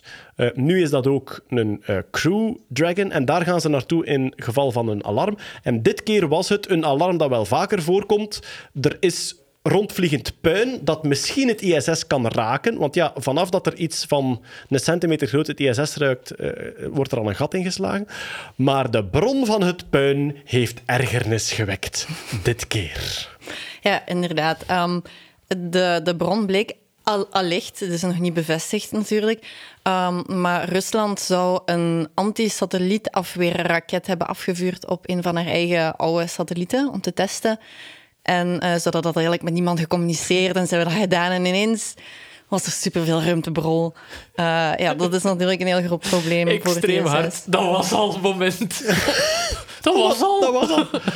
Ja, Maar ja. Rus- Rusland zegt eh, vooralsnog no comment. Maar ja, maar kijk, ehm, antisatellietwapens staan uiteraard al zeer lang op militaire agenda's wereldwijd. Rusland heeft die nu getest, want ik denk wel dat ze toegegeven hebben dat ze een antisatellietwapen getest Ja, hebben. ja. En dus een eigen, sat, een eigen oud... Ja, daar ging gewoon een oude satelliet die niet meer werkte. En ze dachten, ah, dat is goed, we gaan dat een keer Cosmos testen. 1408. Ja, dat klinkt zo echt ook alsof dat... andere- in Renard. Ah ja, ja, inderdaad. Ja. Of een soort wekkerradio die je kunt kopen in de Supra-bazaar. Vanaf dat er een cijfer achter staat, heb ik echt zo'n gevoel van... Oké, ja, iemand, iemand moest het verkocht krijgen. Maar dus, ze hebben die eh, aan, aan stukken geschoten. Dat zijn allemaal brokstukken afgevlogen. Natuurlijk, de baan om de aarde... Ja, de low Earth orbits, hè, tussen 300 kilometer en, wat zal het zijn, 700 nog iets, die zijn redelijk druk bezet. Daar, daar is redelijk veel dat daar rondvliegt. Vanaf dat je daar ruimtepuin maakt, zitten die allemaal een beetje in dezelfde baan. En de kans dat je dan geraakt wordt, ja, die stijgt eigenlijk de hele tijd. Dus er was dan grote nervositeit. Waarom hebben jullie godsnaam iets kapotgeschoten dat in de baan hangt waar onze eigen Maar ook astronauten elke zitten? 90 minuten kwamen ze opnieuw in dat veld terecht. Ah ja, dat, ja. Dat is wel cool, want eh, die Russische wetenschappers konden dan tegen Poetin zeggen eh, de antisatellietwapen, het werkt. We hebben zelfs meer ontdekt. Het is niet alleen een antisatellietwapen, het is ook een anti-ISS-wapen. Maar ja, wat Lieve zegt, daar zaten cosmonauten aan Ja, ja. boord van dat ISS. Ja, ja. Hè? Ja. Maar ook ik heb dan zoiets van, speelde dan het spelletje. We hebben 90 minuten om even van eh, capsule te wisselen. Wie komt in de Dragon terecht? Wie moet in de Ja, Soyuz? en wel, want dat, is, dat is wel een ding. Er, Muzikale er pak, zitten ja. nu zeven mensen in TSS. Dus vier Amerikanen, één Duitser van de ESA zit daar nu, Matthias Maurer, en twee Russen. Maar er zijn, er zijn vier plaatsen in de Crew Dragon en drie in de Soyuz. Dus er zaten twee Russen Dus in die Soyuz. Russen. Ja, en dus er moest één van die vijf, NASA of ESA, moest bij die Russen kruipen. Allee. Het is- ja, ja, ja, het is een Amerikaan geworden. En dan ook heel de tijd, het is Zulder schuld, Ja. hè. Oh, de sfeer in die Soyuz. En je hebt er al weinig plek. Ja. Je zit er al tussen de gaffa-tape over Die andere kop. mannen zitten nu in de Crew Dragon Pac-Man te spelen. Ja, hè. dat is waar. Ja, ja, ja, inderdaad. ja. Eigenlijk waar, als je kunt kiezen. Maar de Russen hebben het compleet gedownplayed. Hè. Die zeiden van, we kennen de baan van die satelliet en die valt binnen de veiligheidsmarges van TSS, maar die zijn veel te ruim en er was geen enkele kans dat dat kon raken. En dat was eigenlijk de communicatie Maar van normaal Rusland, gezien ja. hebben ze ook wel procedures voor als, als de kans niet zo groot is dat je geraakt wordt, dat ze, dat ze manoeuvres uitvoeren om, om, om Ja. te En En ontwijken. dat doen ze heel vaak, hè? Dat hebben ze vorige week ja, blijkbaar vorige nog week gedaan. gedaan. Ja. Ontwijkingsmanoeuvres, het ISS dat hoger of lager gaat vliegen, gebeurt inderdaad vaak, omdat ze uiteraard eh, zo weinig mogelijk eh, risico willen nemen. Maar space debris is wel... Ik, ik heb ooit... Er staat een foto, ik denk zelfs op Wikipedia, een foto van een verfschilfer, dus een verfschilfer van een andere satelliet, die de ruit van een space shuttle geraakt had. Ja. En dat is een geweldig verstevigde ruit, maar daar zit dus een, een, een ster in van 10 centimeter breed. Ja, En dat dan zijn gewoon- kogels die aan 28.000 kilometer per uur Dat is het laatste wat je wilt zien als je een raket zit. Hè. Zo een ruitje dat zo... Ja, En blijkbaar ja. vliegen er meer dan 36.000 objecten die groter zijn dan een tennisbal. Dus dan geen satellieten of zo, hè, maar echt ruimtepuin. Die kunnen ze traceren. Die dan. kunnen ze inderdaad traceren, maar meer dan 1 miljoen tussen de 1 en de 10 centimeter. Maar wat jij zegt, zo'n schilfer, dat kan al gigantische Ja. schade aanrichten. Het is... Maar ik heb ook gelezen, oké, nu doen ze zo van, oh, de Russen hebben dat gedaan. Maar blijkbaar hebben de Amerikanen dat ook Ja, al een keer gedaan. Heeft waar. India dat ook al een keer gedaan. Dus China ook. iedereen mag dat doen. Ja. Maar de Russen, sorry, dat zijn het te veel. Eh, wel, ik Maar ze doen slechter. maar ik ben blij dat je het zegt, Els, omdat ik begin mij de laatste tijd... Allee, ja, je weet altijd dat...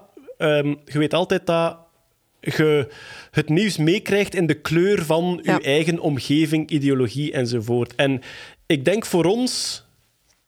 Ik denk, allee, voor, voor mij persoonlijk denk ik dat dat een belangrijk besef is als het gaat over China en Rusland.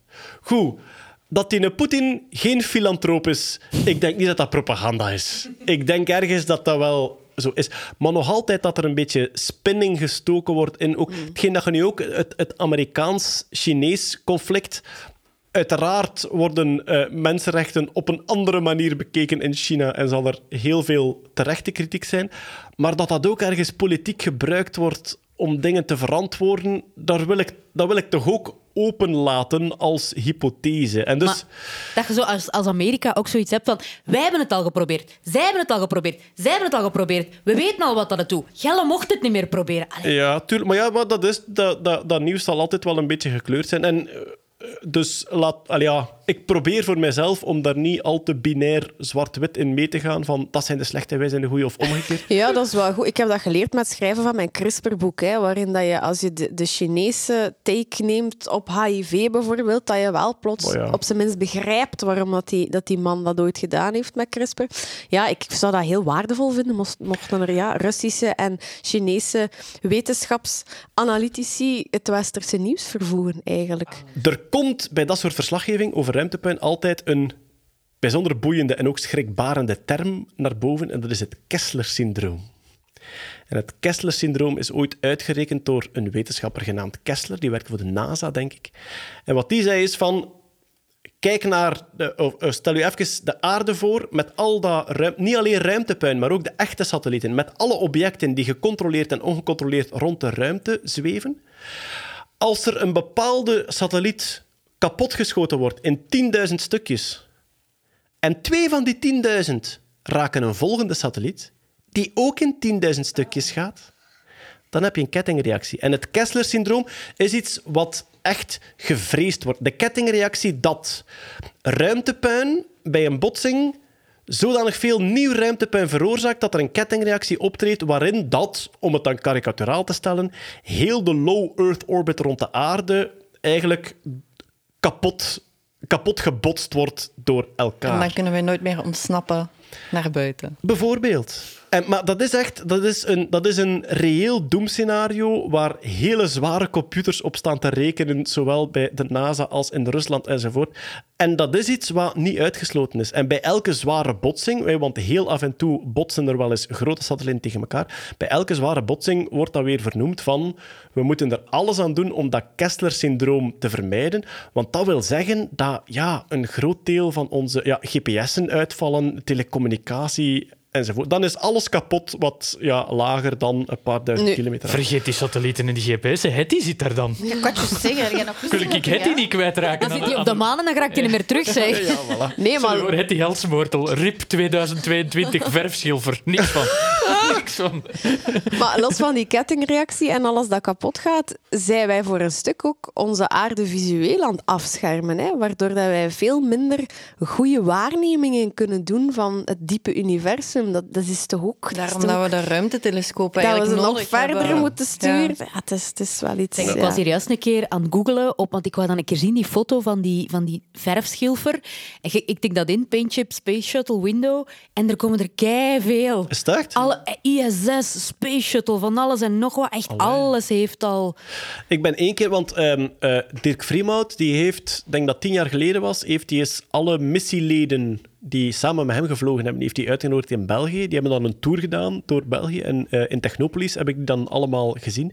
En daar is één bij die op die missie zat, dus die geraakt is door een verfschilfer. En ik ben, er niet, ik ben niet tot bij hem geraakt, maar gewoon met die mensen een keer babbelen over. Zeg, wat denkt u dan als het ruitje gebarsten is? Daar 400 kilometer hoog in de Space Shuttle. Maar het is mij, het is mij helaas niet gelukt. denk kakka in de broek dan. Er komt hopelijk een tweede kans, want ik geloof dat Dirk Vriemhout eh, alle leden van zijn missie Ja. dit- eh, volgend jaar... Volgend op- Ja, voilà. in 20-jarige verjaardag van Voilà. zijn ruimtemissie. hè. Dan zegt hij, Ja. is getting the band back together. Alle the band back cc's together. hitting the road. Die- Ja. die- Dirk Vriemhout is, is ook al een gezegende leeftijd ondertussen. Dirk Vriemhout, ja, inderdaad. Ik zie die af en toe... 80. Ik zie die regelmatig eh, door Gent wandelen. En dan denk ik... Dirk Vriemhout. Daar loopt iemand die de dampkring verlaten heeft.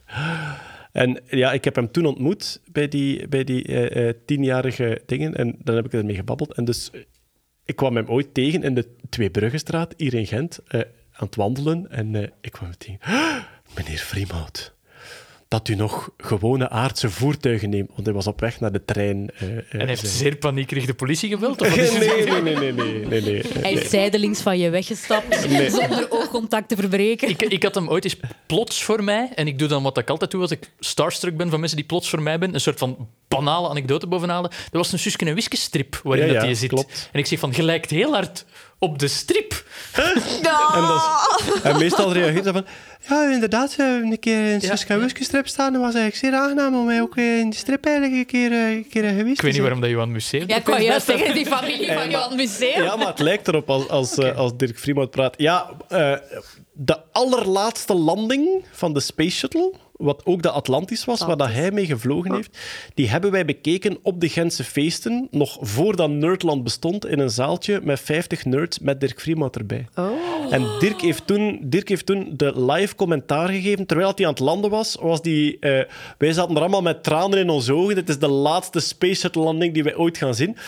En Dirk was eigenlijk heel technisch aan het uitleggen van... Goed, ja, ze zijn nu eigenlijk 10 meter boven de grond, dus ik denk op dit moment... eh, in de cockpit dat deze procedures zullen bezig zijn. Nu staan ze aan de grond. Het is een gek moment, want je mag niet naar buiten. Bent terug op aarde na zo lang en je mag dan niet naar buiten.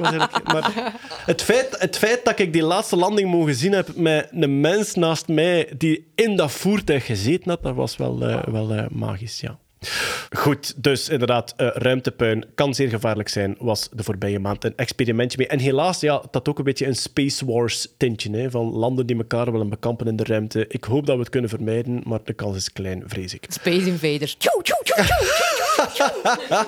Een keer dat die beestjes afkomen, nee, nee, nee, nee, dan weten we, oké, ja, de Russen, de Russen weten hoe dat ze ze moeten aanvallen. Ik denk dat het tijd is voor een nieuwe rubriek. De facepalm van de maand. Het is de facepalm van de maand. ja. Jeroen.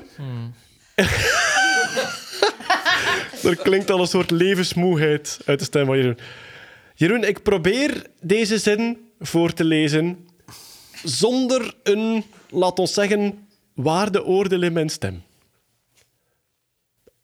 De wielrenner Wout van Aert heeft drie van zijn grootste overwinningen verkocht als NFT.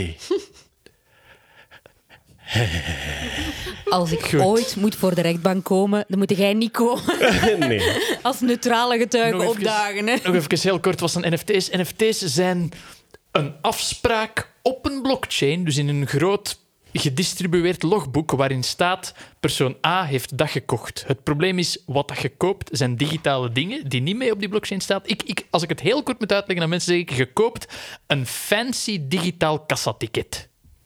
Maar dus, we, we gaan even... We gaan even proberen van... We, we, gaan er geen volledige podcast aan wijden. Nee, dus, ja, dat is moeilijk. Eh, laat ons zeggen, digitale kunstenaars. Men- mensen die een digitaal kunstwerk maken. Wat bestaat, hè? Dat is geen fysiek schilderij, je kunt dat niet kopen. En die zeggen, we willen een soort manier om te zeggen, dit is nu eigendom van die persoon. Je zou kunnen zeggen, ik ga naar een notaris en ik laat dat vastleggen. Ja. Alles gaat, alles gaat over een vertrouwenssysteem. Je zou ook kunnen zeggen: Ik heb een notitieboekje in mijn bureau waar dat op staat. Daar hebben weinig mensen vertrouwen in. Op het moment dat je zegt: Het is bij een officiële notaris, iets meer mensen die daar vertrouwen in hebben. Wat is het geniale wiskundig dan aan de blockchain? Je hebt een soort systeem dat je zonder een centrale autoriteit, zoals een notaris, dat heel veel rekenkracht over heel de wereld, kan een soort inventaris bijhouden. Dat is van die persoon, dat is van die persoon. Tot daar het technologisch slimme. De volgende reflex van een hele hoop mensen op de wereld was... Ik kan nu alles verkopen. Klopt. Eh, De onze- allereerste scheet die ik ooit gelaten heb. Het concept liefde. Nee. Ja, voilà. Onze Ja. goede vriend Quentin Tarantino, de regisseur van Pulp Fiction, heeft ook eh, vijf ideeën voor scènes die de film niet gehaald hebben, verkocht als NFT. Dat is een prachtige foto van, van Quentin Tarantino, die duidelijk op een of andere beurs over cryptocurrencies zit, zich daar stierlijk aan het vervelen is. En ik moet zeggen, eh, Wout van Aert kondigde het verkoop. Hij heeft drie zeges van hem verkocht. De, die op de Strade Bianche, eh, die op de Mont Ventoux en die op de Champs-Élysées. Wout van Aert is een heel goede wielrenner, veronderstel ik. En dat zijn allemaal dingen waar je wel eens met veel bravoure mag winnen. En hij heeft die verkocht via... eh, ja, hij heeft een filmpje gemaakt waarin hij met de air en het enthousiasme van een soort van gijzelingsvideo verklaart dat die overwinningen te koop zijn als NFT. Ver- die zijn verkocht via een bedrijf genaamd Momentable. En Momentable die maken daar een beetje een punt van. Die hebben ook, denk ik, een goal van Pele verkocht en een, een, I don't know, een mooie hak van Messi, weet ik veel. En dus wat dat je fysiek koopt, en het fysiek is eigenlijk al verkeerd, je krijgt, als je de, de, de uiteindelijke bieder bent, de hoogste bieder op dat ding, krijg je ze hebben een digitaal kaartje gemaakt met daarop een artistieke visie van Wout van Aert die de streep aan de Champs-Élysées overrijdt. Dat kaartje, daar krijg je de Photoshop-file van. Een persoonlijke boodschap van Wout van Aert, waarschijnlijk met dezelfde enthousiasme als proficiat. Je hebt een NFT gekocht. Nee, minder vragend, Wout. Je weet wat het is. Een NFT gekocht. Dat krijg je. En ergens op een blockchain, in dit geval de Ethereum-blockchain, dus je hebt er ook een half Amazonewoud mee verbrand, komt die persoon heeft dat gekocht. Ja. Wa- wa- want er zijn... Ja, we gaan het alweer Ja, het is- proberen om, om het geen podcast lang te houden. Ehm, om te beginnen, en misschien moet ik dat nu adresseren. Ehm, Wout van Aert is een geweldige wielrenner. Absoluut. Die, die drie overwinningen Zeer zijn, mooi. maar die zijn niet alleen drie prachtige overwinningen waar dat Wout van Aert ons het voorbije jaar, alleen mij en ik denk heel veel sportliefhebbers, eigenlijk mee van mijn sokken geblazen heeft, is dat hij gewonnen heeft op in totaal verschillende omstandigheden. Als je een bergrit, een sprintrit en een tijdrit wint in één ronde, dat is bijna unprecedented. Dus wat, waarom zeg ik het? Er is sprake bij mij en bij velen van cognitieve dissonantie. Ik vind Wout van Aert een sportheld. Ik vind dat een geweldige atleet. En ik hoop dat ik die nog heel veel jaren fantastische dingen kan zien doen. Ik vind dingen verkopen als NFT complete bullshit, omdat we ongeveer wel snappen wat erachter zit en dat het eigenlijk luchtverkopen is. Dus eh, meestal als je een cognitieve dissonantie hebt, hè, eh, je vindt iets tof en je vindt iets niet tof en die komen bij elkaar. Meestal in de psychologie is dan de term cognitieve dissonantie-reductie. Namelijk, je gaat beslissen dat ze alle twee tof zijn of alle twee niet tof zijn. Dat is wat veel mensen doen. Eh, Dus sommige mensen gaan nu beslissen omdat Wout van Aert NFT's verkocht is, is die niet meer tof. En andere mensen, waar dat het dat bedrijf waarschijnlijk om te doen was, die gaan denken, Wout van Aert is een supercoole renner, die verkoopt NFT's, dus ik vind NFT's vanaf nu ook cool. Laat ons ons niet laten vangen aan cognitieve dissonantie reductie. Ik vind Wout van Aert een fantastische renner en een sportheld. Ik vind NFT's complete bullshit. Ik vind het een beetje jammer dat een sportheld NFT's verkoopt, maar so be it. Dat ga ik voor de rest zo laten. Wat dat ik kwalijk vind, is dat het iets neemt dat in het collectieve geheugen zit. We hebben allemaal genoten van die... Ik doe nu even je gezien hebt, hè, maar ik kan me voorstellen... We hebben allemaal genoten van het moment van Wout van Aert die de Champs-Élysées eh, over de streep Ik rijdt. zeker, ja. Absoluut, ja. En het concept dat je dat verkoopt als eigendom van iemand anders, vind ik verkeerd. Als, als, als sport... Eh, Ik vind als sportpersoon hoort je dat soort dingen niet te monetizen. Eh, Verkoop shirts, verkoop de onderbroek, I don't care. Maar dat als concept, namelijk we gaan iets dat lucht is, iets dat, iets dat collectief geheugen is, ver NFTiseren, een, een half Amazono uit plat branden om het dan te registreren op een soort van gedistribueerd logboek, vind ik verkeerd. En wel, wat ik er frappant aan vind is, bedoel, dingen verkopen doen we al heel lang.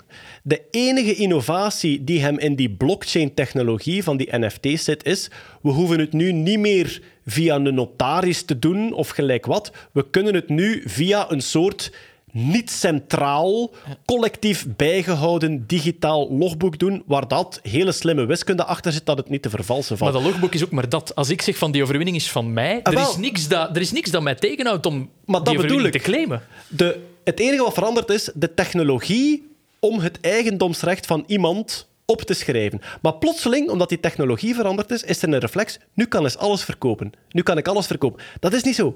Stel dat 20 jaar geleden Johan Museeuw gezegd had: Ik verkoop deze overwinning bij de notaris. Je kunt bij de notaris laten opschrijven dat jij eigenaar bent van mijn overwinning toen daar. Iedereen had dat complete bullshit gevonden. Het is vandaag nog altijd complete bullshit. Alleen is er een andere technologie om die complete bullshit op op te schrijven. Het wordt vaak vergeleken met van die bedrijven die dat vroeger eh, sterren verkochten aan mensen. Ah ja. Er zijn miljoenen sterren in het universum. Jij kunt voor uw geliefde voor 25 euro een ster kopen. Vroeger was dat BS23957. tuurlijk, ja. Nu is het Wanda. Eh, Er dat- zijn er ook zo die, die stukken van de maan verkocht Ja, voilà, hebben. ja, zonder inderdaad, ja. enige juridische ondergrond. Maar Gewoon wa- een voor, lijstje. voor hoeveel zijn die NFT's Ah, verkocht? eh, de Strade Bianche is 16.600 euro waard, Mont Ventoux 15.500 en de Champs-Élysées 14.822. En het is verkocht aan SR210D. Wordt dat ook niet gewoon gebruikt om wit te wassen? Ja, daar wil ik Wout van Aert niet van beschuldigen, Nee, maar nee, nee, nee. NFT's in het algemeen, ja, absoluut. Cryptocurrencies Ah, algemeen. dat is, dat, dat- dat- in de kunst is dat, allee, in de fijne kunsten is dat sowieso. Hè. Ik bedoel, al die Oké. werken in galerieën, sorry, dat is één grote witwassen, maat. Ja, dat- Niet een mailen naar mij. daar ben Sorry, ik... Zwarte Panter en al die andere galerijen. Ik wil wel nog komen exposeren, hoor. Dat, geen probleem. Maar bon, kijk, ehm, hoe dat blockchain juist werkt. Want eigenlijk NFT's of Bitcoin is eigenlijk dezelfde technologie. Je hebt een lijstje van wie dat van wat is. En bij Bitcoin is het welke Bitcoin is van wie. En bij NFT's is welk kunstwerk of gebeurtenis of eh, scheet in een fles is van wie. Ehm, de technologie is hetzelfde.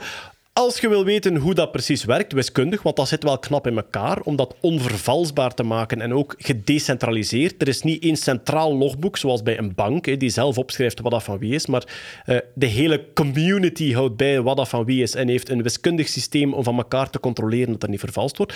Dat is heel knap. Daar hebben we een thema-podcast over gemaakt, Moel de Geek podcast, eh, over bitcoin en blockchain.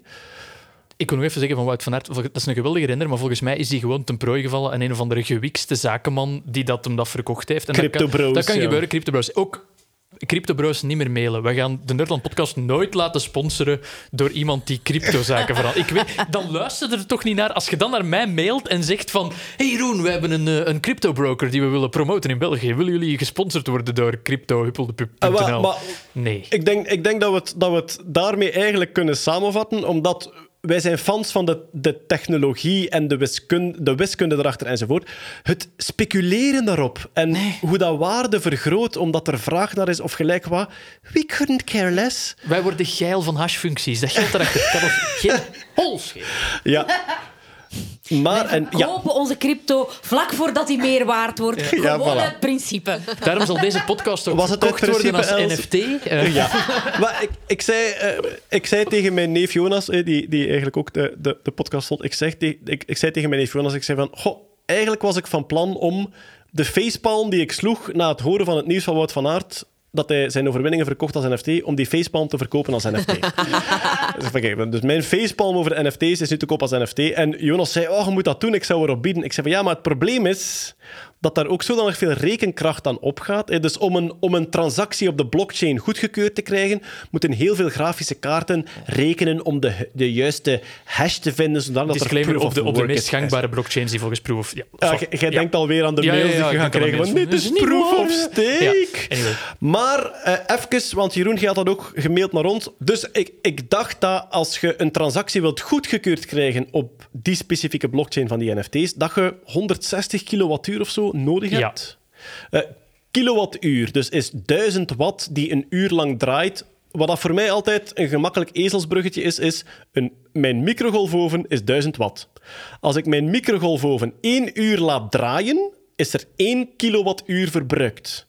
Voor 160 kilowattuur, dus voor één transactie op de blockchain van Ethereum, moet ik mijn microgolfoven 160 uur laten draaien.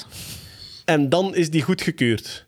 Dus een beetje, Jeroen, zoals jij ooit blockchain of bitcoin goedgekeurd 100, hebt. 178 kilowattuur. Ter vergelijking, 100.000 Visa-transacties zijn 140 kilowattuur. Dus... Oké, 100.000. En nu gaan er mensen mailen. Ja, maar sommige van die energie is groene energie en bla, bla, bla, bla, bla. het gaat om het concept. Het is een heel inefficiënte kutmanier om eigendom te registreren. Wel, vooral, voor, vooral voor dit specifieke Voilà. ding. Lucht verkopen aan 160 kilowattuur per transactie, dat is... ja, daar krijg je geen applaus voor, eh, helaas. Voilà, kijk, Wout van Aert heeft overwinningen verkocht als NFT. En eh, ja, het- wij worden er niet blij van, laat het nog zo zeggen. Maar dan is het nu hoog tijd voor...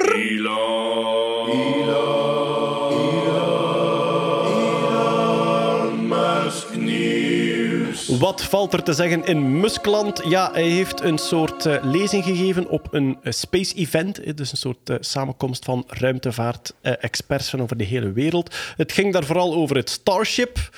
De nieuwste timeline voor de orbital test is januari 22, waarvan sommige ingenieurs ook al zeiden dat is de optimistische timeline. Dus het is inderdaad wel Musk-time.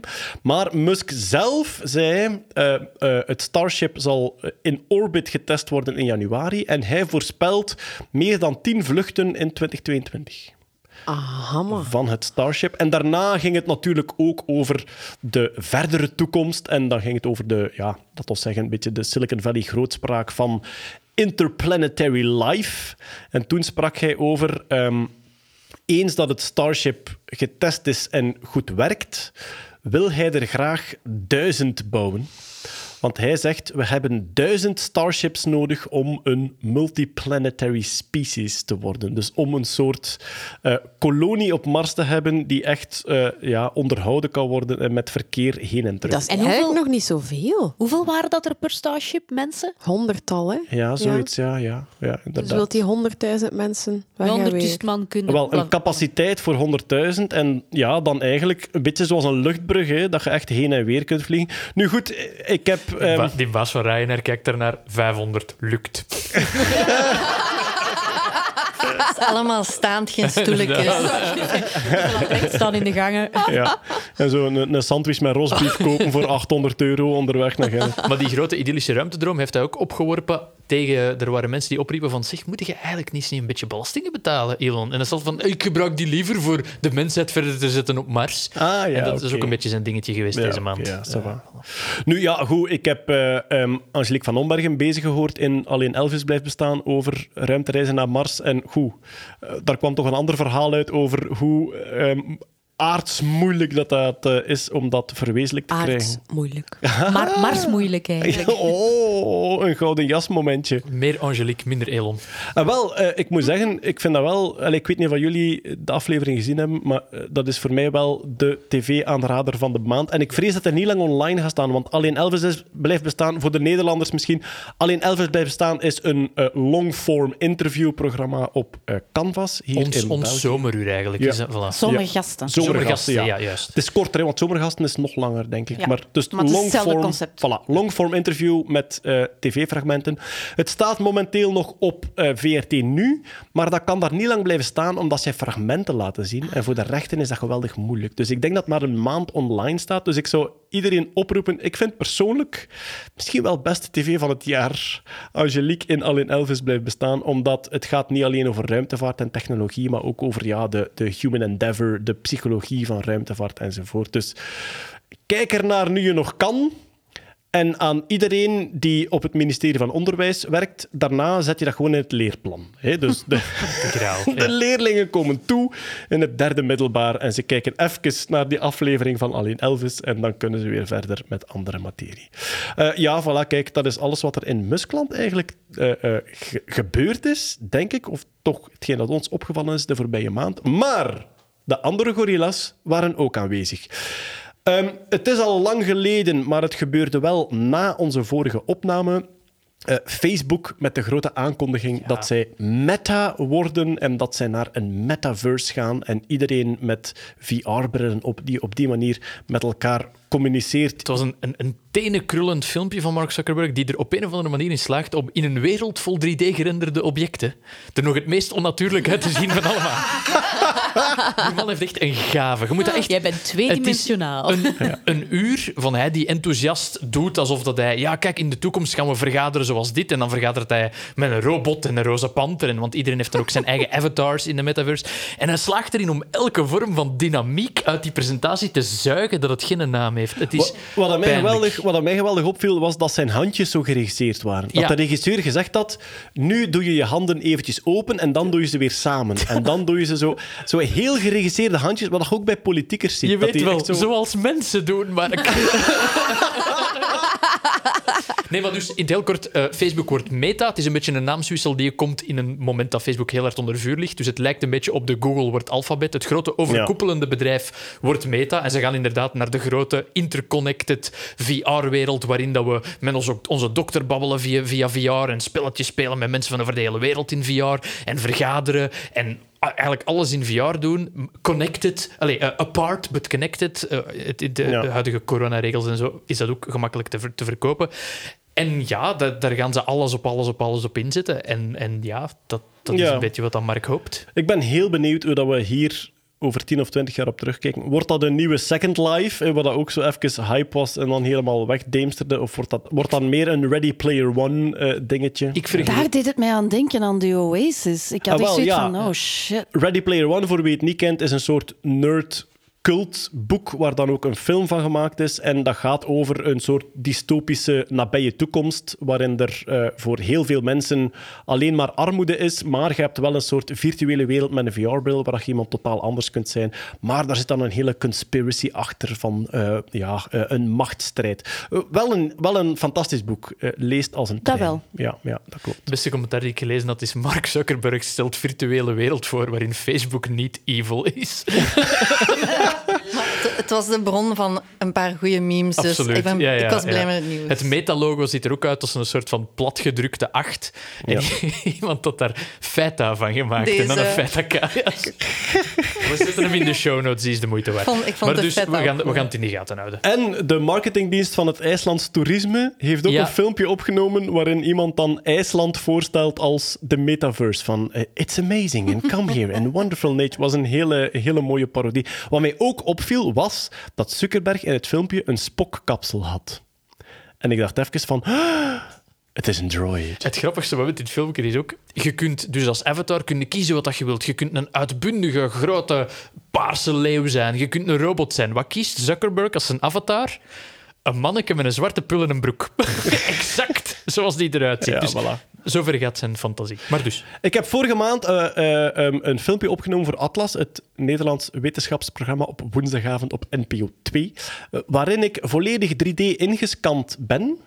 En dan met zo'n pak aan dat mijn beweging registreert in een virtuele wereld als mijzelf kon rondlopen. Het, is, eh, het was in, in Antwerpen, in de hogeschool daar in Antwerpen. Daar hebben ze een, ja, zo'n volledig ding staan met dan 100 fototoestellen waar dat je in gaat staan. Die nemen een foto.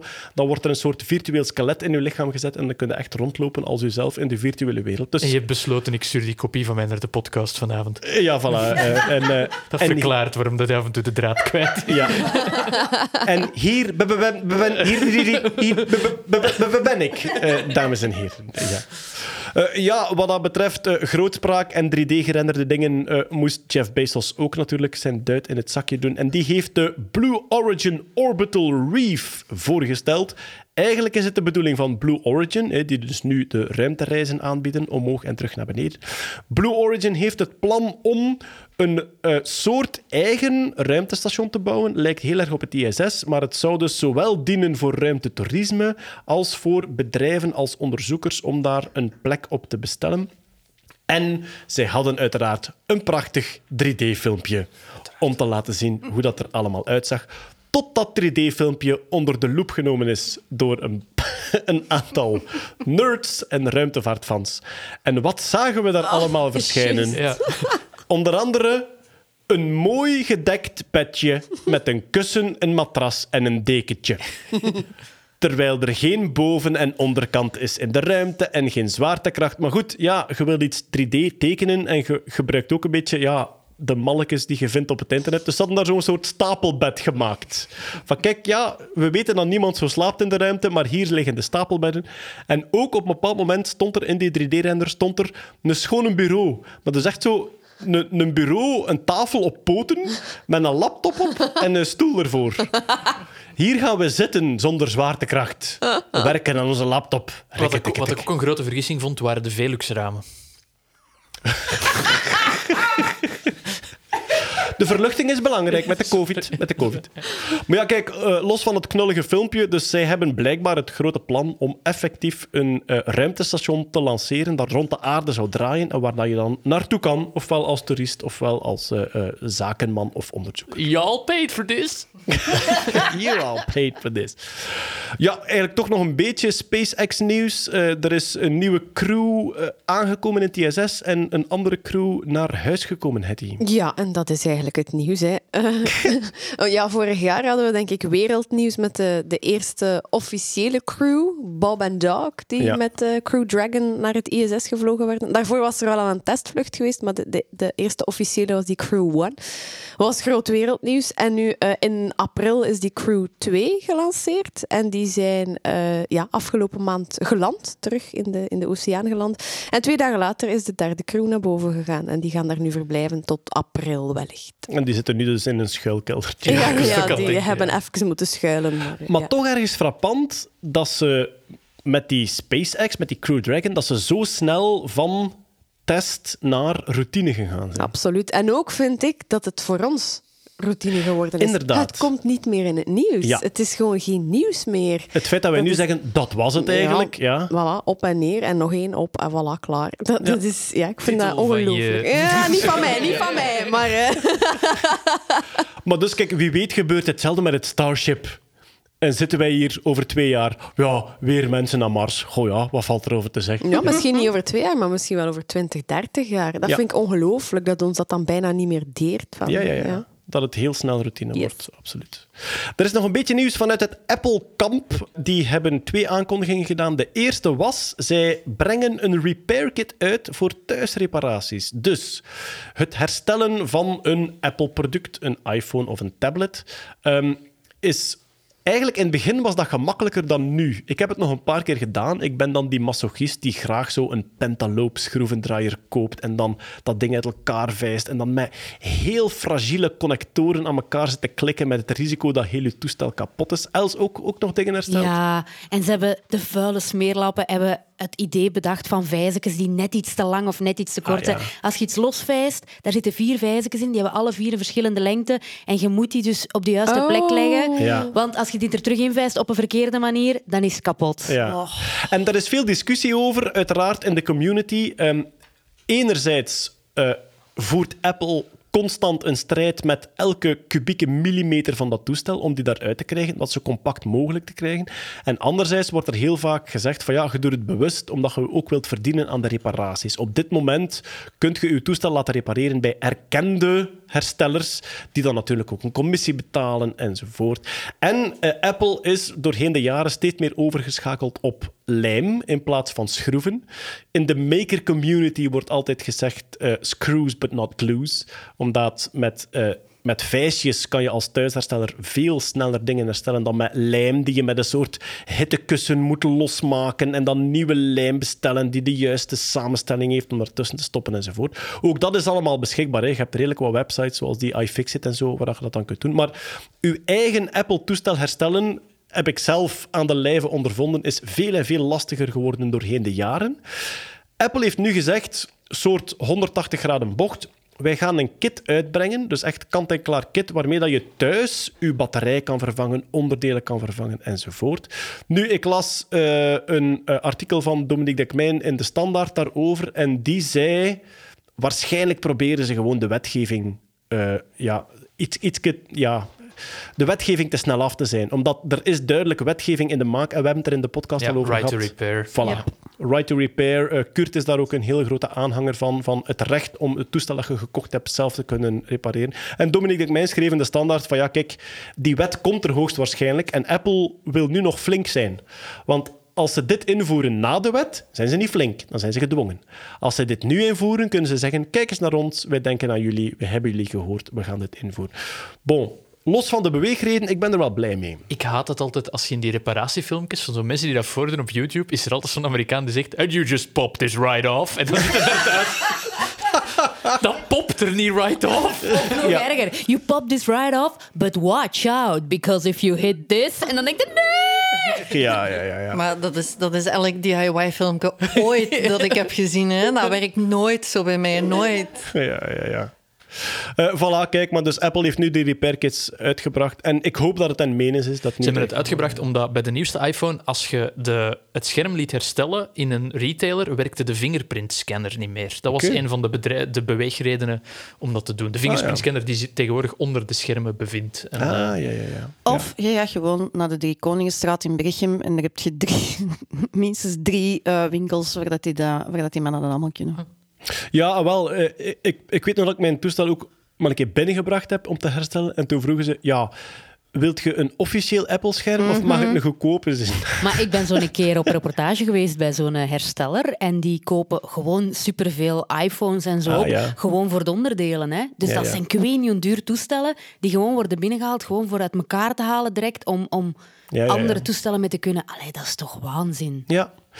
Ik moet zelf zeggen, zo in, in de, de, de eerste versies van de iPhone, het zelf herstellen, ik vond dat echt een belevenis, omdat je dan ziet wat daarin zit. Je kunt het uit elkaar halen, dat is spannend. En je neemt een risico, hè, want als het kapot is, is het uw schuld. En allee, je kunt er niet teruggaan om het, om het te... Maar ik vond altijd zelf iets herstellen. En eigenlijk van alle toestellen. Er zijn zoveel internetsites met tutorials. Er zijn zoveel internetsites met onderdelen die je kunt bestellen. Ik vind dat wel een aanrader. Ik vind dat dat u een soort band en inzicht geeft in de elektronica dat je thuis hebt. Dat je ook echt ja, achter de, de, de gladde, ge, gebruste buitenkant kunt kijken.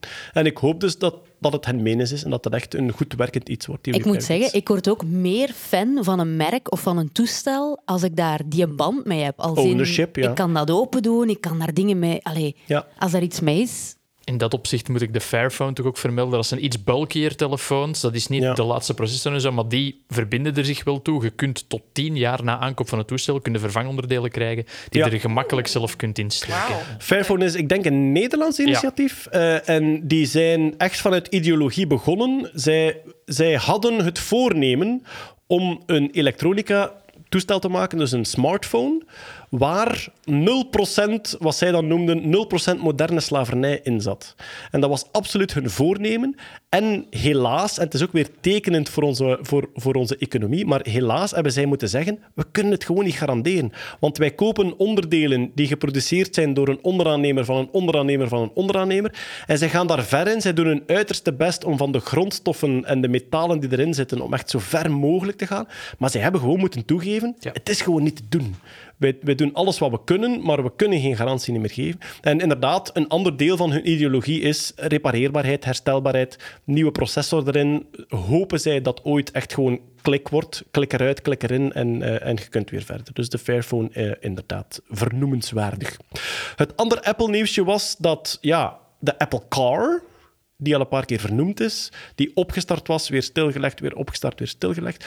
Blijkbaar is er nu toch een intentie dat zij tegen 2025 een full self-driving car willen hebben. En ze hebben heel duidelijk gezegd, full self-driving, de zelfrijdende auto's tussen aanhalingstekens die vandaag bestaan, zijn eigenlijk auto's met een zeer uitgebreide driver's assist. Dus ze kunnen de rijstrook volgen, ze kunnen eh, afremmen als de auto voor hen afremt, ze kunnen afstand houden enzovoort.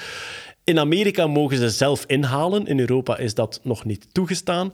Maar Apple wil gaan voor full self-driving. In hun wildste dromen brengen zij in 2025 een auto op de markt die geen stuur en geen pedalen heeft. Dus waar je gewoon niet als chauffeur kunt instappen. Dat je gewoon als passagier instapt, zegt waar je naartoe moet en dat dat ding u daar naartoe rijdt. Ik moet nu... Mijn persoonlijk gevoel is... Allee, ik heb een soort flashback.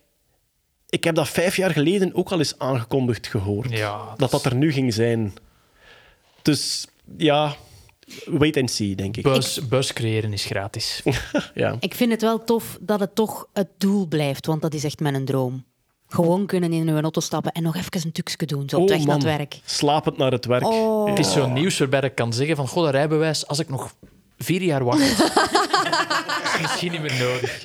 Ja, oké, maar ook dat, ook dat, want ik herinner mij, we waren de schuur van Scheir aan het maken. Ja, het is toch ook zeven of acht jaar geleden, ik weet het niet juist niet meer. We waren de schuur van Scheir aan het maken en toen hadden we een item gedraaid met een van die allereerste auto's met lane assist en afstand houden enzovoort enzovoort. En zelf, Angela, en weet ik nog. Is het echt? Ja, Ja, Ah, ah, Angela, Angela. Merker, ja, dat is En juist. Ja. hebt een andere, was wat? We hadden Je hem genoemd. naam. Het was een Duitse auto. Hè. We Ja. gaan het merk niet noemen, maar het was een Duitse auto. We hadden hem genoemd naar Angela Merkel.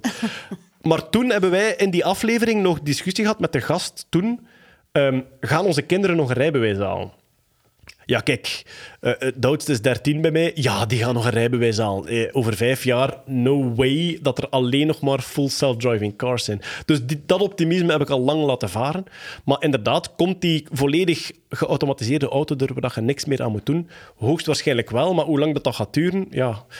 Vijf jaar geleden hebben we hem ook over vijf jaar aangekondigd, dus ik wil het nu niet opnieuw Na- doen. naar analogie met de iPhones gaan dan zo kevel auto's rondrijden met zo'n gebarste vooruit. Ja, het werkt nog zo. Super marginaal. Vervang die ruit toch. Ik kijk daarop neer. En een plastiekje over de vooruit ook, ja. Of zo, een auto die er super sleek uitziet, maar dan zo wel een, een rubberen cover er rond. Als hij botst, dat hij niet kapot is. Of zo'n een, een auto waar dat ze de beschermfolie van in de winkel nog niet hebben afgehaald.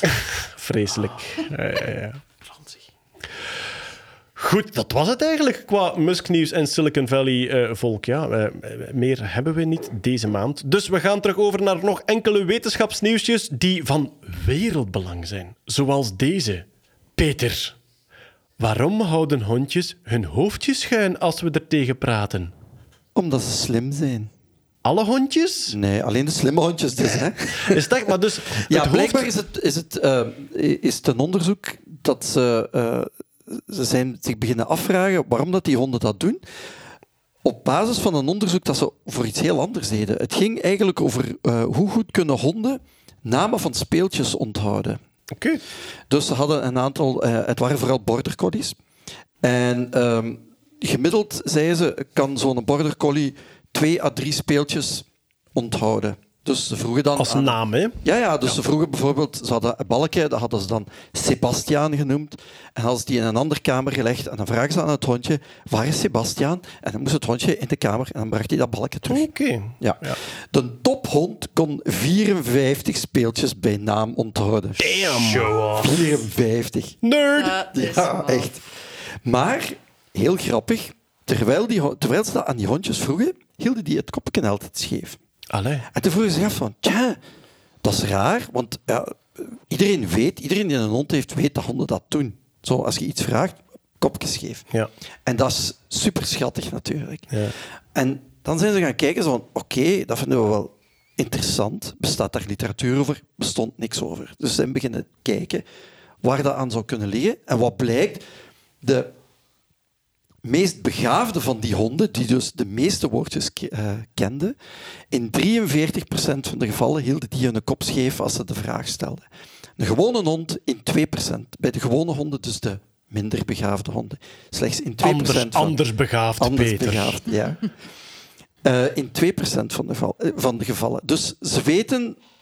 Eerst dachten ze van, ah, dat is om beter te kunnen horen. Maar blijkbaar is dat een teken van aandacht. Dat ze dus echt proberen te focussen van, oké, wat vraagt mijn baas? En zou het een, een sociaal signaal zijn? Ja, Of- dat weten ze niet. Dus dat, is nu het, dat gaat nu het vervolgonderzoek worden. Want dat, dat heb ik ooit wel, wel opgevangen, dat het feit dat ze het hoofd schuin hielden, dat de hypothese ook een beetje was van uw, uw oren zijn eigenlijk twee punten Ja. waarop dat je geluid binnenkomt. Ja, ja. En dat is ook geweldig intrigerend dat wij 3D-gehoor hebben, zuiver door het minuscule tijdsverschil tussen onze oren en ook de frequentieverschillen, omdat geluid langs ons hoofd gegaan is. Maar En dus als je hoofd schuin houdt, maakt je eigenlijk nieuwe punten. Hè. Je, hebt, je hebt er twee waar je Ja, oren maar dat stonden. is voor het mensen. Een hond, zijn oren, oorschelpen staan iets meer naar voren gericht en die kan die bewegen. Ah Dus, ja. ja. Die heeft al meer, ja, meer dus data points. Dat is niet noodzakelijk daarvoor.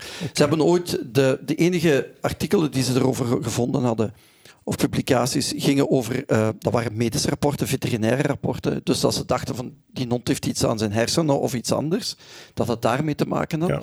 Maar het gaat dus, veronderstellen zij, eigenlijk enkel en alleen over focus.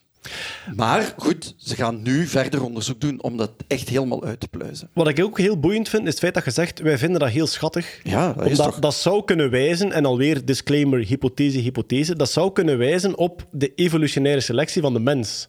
De honden die voor ons het aandachtigst of het schattigst overkwamen, daar hebben we mee verder gekweekt. Doen Ja, wolven het een- ook, is dan een de vraag. andere, Een andere hypothese was dat honden aan een tijd doorhebben dat mensen dat schattig vinden Ah, ja, en dat ze dat expres beginnen te doen. Bij, bij mensen is dat trouwens ook, hè, als foto's genomen worden, je hoofd Ja. een beetje schuin houden, Ja. is, er is aangetoond aantrekkelijker, dat je ja, wordt- ja, aantrekkelijker En, en meer Oh, toegankelijk. Ja. Is de duckface een evolutionair concept? Vandaar dat Stephen Hawking zo sexy was ook eh, vroeger. Poncho is denk ik een hele domme hond, want ik dacht dat hij het concept vosje door had. Maar in de week bracht hij een schoen terug. Dus ik dacht niet. Dat is, dus- dat is En het speelgoedje. vosje, is zijn favoriet. En houdt Poncho het kopje scheef. Nee, doet hij niet. Ah, Domme ja. hond. Sander wel. Ja, maar ja. Maar kijk, dus eh, een, een, een doorbraak in de fundamentele wetenschap. We Ja, hebben een vermoeden waarom honden hun hoofdje schuin houden als er iets gevraagd wordt. Stefanie, de vingerafdrukken. Ja, we zitten bij True Crime. Dan zitten we in uw straatje uiteraard. Vingerafdrukken worden al lang gebruikt uiteraard in de, ja, ehm, in de forensische wetenschappen. Maar nieuwe ontwikkeling. Door bepaalde vingerafdrukken op objecten zou je niet alleen kunnen weten wie ze aangeraakt heeft, maar zelfs ook wat ze ermee gedaan hebben. Klopt. Eh, het is een onderzoek van Anouk de Ronde. Dat is een onderzoekster bij het eh, Nederlands Forensisch Instituut en de Hogeschool van Amsterdam. En de aanleiding voor het onderzoek is eigenlijk dat eh, ja, er zijn wel wat verdachten die verklaringen geven over waarom dan hun vingerafdrukken op bijvoorbeeld een mes zitten. En die zeggen dan, ja, maar ik heb hier daar helemaal niemand mee neergestoken, ik heb gewoon een boterham gesmeerd. Ah ja. Of eh, een kussen dat gebruikt wordt om iemand te verstikken. Ja, maar nee, ik heb dat kussen wel aangeraakt, maar ik was gewoon een nieuwe kussensloop aan het... eh, Ja. Enzovoort. Dus wat heeft ze gedaan? Ze heeft verschillende experimenten gedaan, waaronder eentje op Lowlands. Een Muziekfestival, ja, daar, dat is, het is de tweede keer dat ik het hoor, want ik denk eh, onze vrienden eh, Maarten en Anthony hebben ook al eh, Maarten Wijn en Anthony Liekens. ja, hebben ook wetenschappelijke onderzoeken gedaan op De makers. Eh, Tomorrowland. Zwat, in elk geval, dus op Lowlands eh, heeft ze het experiment gedaan met de kussens. Dus eh, ze heeft mensen gevraagd, oké, verschoon een kussen, nee, doe daar een nieuwe kussenslop eh, rond. En andere mensen gevraagd, oké, hier is een pop. Verstik deze bejaarde. Verstik de pop met het kussen. Ehm, ja, daar die data van verzameld. En blijkt dat de locatie van de vingerafdrukken verraadt wat daarmee gebeurd is. En, en dat specifiek onderzoek had een accuratie van 98 procent. Oh, wauw. Amai. Ja. Ze gaat nog verder onderzoek doen naar eh, de druk die men op, eh, op een voorwerp eh, uitoefent en de richting van de vingersporen. En ze gaat ook onderzoeken uh, ja, complexe handelingen. Hè? Want het kunt natuurlijk wel zijn dat je eerst een boterham hebt gesmeerd, maar dat je dan daarna toch je vrouw mee hebt meegestoken. dus uh, ja. Ja. Ik was zo halverwege met een boterham met choco en toen ineens. Hè. Ik heb met deze revolver ook een boterham gesmeerd. dat gaat minder pakken. Nu, um, ik heb dat even gecheckt bij uh, een Nerdland van trouwens. Shout-out naar de Charles. Dat is een rechercheur van het sportteam. En Charles de rechercheur. Charles de rechercheur. het, is, het, is, ook niet zijn echte naam natuurlijk. Okay. Ah, maar ja, bon. yes. ja. um, en die heeft een aantal dingen uh, gezegd. Ten eerste, ja, ja oké, okay. Maar eigenlijk, ja, een beetje forensisch uh, rechercheur kan dat eigenlijk al wel. Allee, je kunt dat wel zien als je een mes gebruikt om een boterham mee te smeren of iemand mee neer te steken. Je kunt het eigenlijk al wel afleiden uit de positie. Meer nog, Um, je, kunt de, je kunt zelfs op basis van vingersporen kun je eigenlijk de houding van iemand bepalen. Um, ja, je moet dat zelf maar eens een keer testen. Je, doet, je, zit, je zit in een bepaalde houding, je zit, uh, je zit er je vingers tegen een deur of weet ik veel wat. Je probeert dat in een andere houding. Er is heel weinig speling hè, op je vingers. Okay, ja. Dus dat is al één ding. En het tweede, dat is ook wel vrij belangrijk. Um, forensisch bewijs is nooit 100% zeker, maar uh, het moet uh, 99,99% zeker zijn. Wil het gebruiken in de rechtbank. Oh. Er spreekt altijd over met een aan zekerheid grenzende waarschijnlijkheid. En dan is die 98 procent waar ik juist over sprak, dat is niet genoeg. Ah, oké. Okay. Nee, dat is niet genoeg. Dat ga je niet kunnen gebruiken in een rechtbank. Oh. Um, wat dat daar dan ook weer bij komt, ja, een goede advocaat kan daarop inspelen. Hè. Stel dat je een reconstructie doet en je zegt van oké, okay, uh, ja, hè, meneer, uh, zeg nu een keer wat dat je hebt gedaan. En die mensen gaat dan dat kussen vastnemen om dan allee, te zeggen van ja, ik heb dat kussen opge opgeschud. Ja, een goede advocaat gaat natuurlijk wel tegen die persoon zeggen van ja, zie dat je dat zo vastpakt. Hè. Ah, ja, ja. Dus om het, echt nog, om het echt al te gebruiken in uh, rechtszaken, het is te vroeg, maar dat heeft de onderzoekster zelf ook gezegd. Hè. Dus ja, we zullen zien. Um, ik denk wel dat het heel nuttig kan zijn uh, voor opleiding van uh, forensische uh, rechercheurs als naslagwerk. Maar het is niet dat we dat volgende maand al in de rechtbank kunnen gaan gebruiken. Oké, kijk, voilà. forensische wetenschappen een nieuwe stap gezet in het gebruik van vingerafdrukken. Els, er is een lijstje opgedoken van uitvindingen uit 2021. Ik dacht van ja, het is lockdown geweest, iedereen zat gewoon binnen, er is helemaal niks uitgevonden. Niks is minder waar. Dat is een perfect moment om dingen uit te vinden. Als je thuis zit naar de muren te kijken. Hoe ah, dat... Dus mensen hadden eigenlijk te veel tijd. Ja, wel, uh, ik hou van lijstjes. Dus ik zag een lijstje en ik dacht, oeh, inzoomen op die handel. Het is een lijstje van Time. Niet meer Time Magazine, want magazines, hè, het is nu gewoon Time. Ja. En die maken elke jaar blijkbaar een lijstje van de uitvindingen die de wereld beter hebben gemaakt, die de wereld slimmer hebben gemaakt en die de wereld een beetje leuker hebben gemaakt. Dus vooral die heb ik er natuurlijk uitgehaald. Er zaten zo wat dingen tussen, bijvoorbeeld het SAVR-pack. Saver. Saver. Ja, ja, dat is eigenlijk om dingen inderdaad te saven. Let's stop soggy food. Dus als je zo van, van Deliveroo of zo, en dat zo van onder helemaal zo'n beetje... Daar gewoon iets, iets, een ding daaronder leggen, waardoor dat, dat wordt geabsorbeerd. Een vochtabsorberende onderlegger. Ja, maar dan zo niet keukenrol of zo. Dus niet, niet zoiets vies, maar dat het dan gewoon lekker blijft. Iets met nanotechnologie. Ja, ja waarschijnlijk. Ja, hè? En, en op de blockchain en zo. Ja, um, maar er waren ook nog wildere dingen. Er was bijvoorbeeld ook de Permobil Explorer Mini. Kende zo, als je zo een, een, baby of een peuter in huis hebt, zo van die loopwagens, waar je ja. die zo inhangt, die kunnen nog niet lopen, maar dan kunnen die zo'n beetje met hun pootjes zo tegen de grond zo. Het is dat idee, maar met een joystick en een motor eronder. Ja, De baby bestuurt zichzelf. ja. Damn. ik dacht van, dat is... Ah, nee. Dus, Of jij Wij bestuurt dat. besturen de baby Nee, nee, nee, nee, nee, de baby Nee, doet baby. het zelf. Ah, oké, dat is zo. Nee, Ik vond dat mega wild en ik dacht, een baby die niet kan lopen, die kan niet lopen omdat die zijn hersens nog niet aankunnen om zo te lopen. Maar het is eigenlijk niet gemaakt voor baby's die nog niet kunnen lopen, gewone baby's. Het is gemaakt voor kindjes die motorisch wat achter zijn, die het syndroom van Down hebben en zo. En die zouden er heel erg wel bij varen, cognitief en zo, als die toch gewoon de wereld kunnen gaan verkennen. Maar rolstoelen zijn voor die kleintjes veel te groot.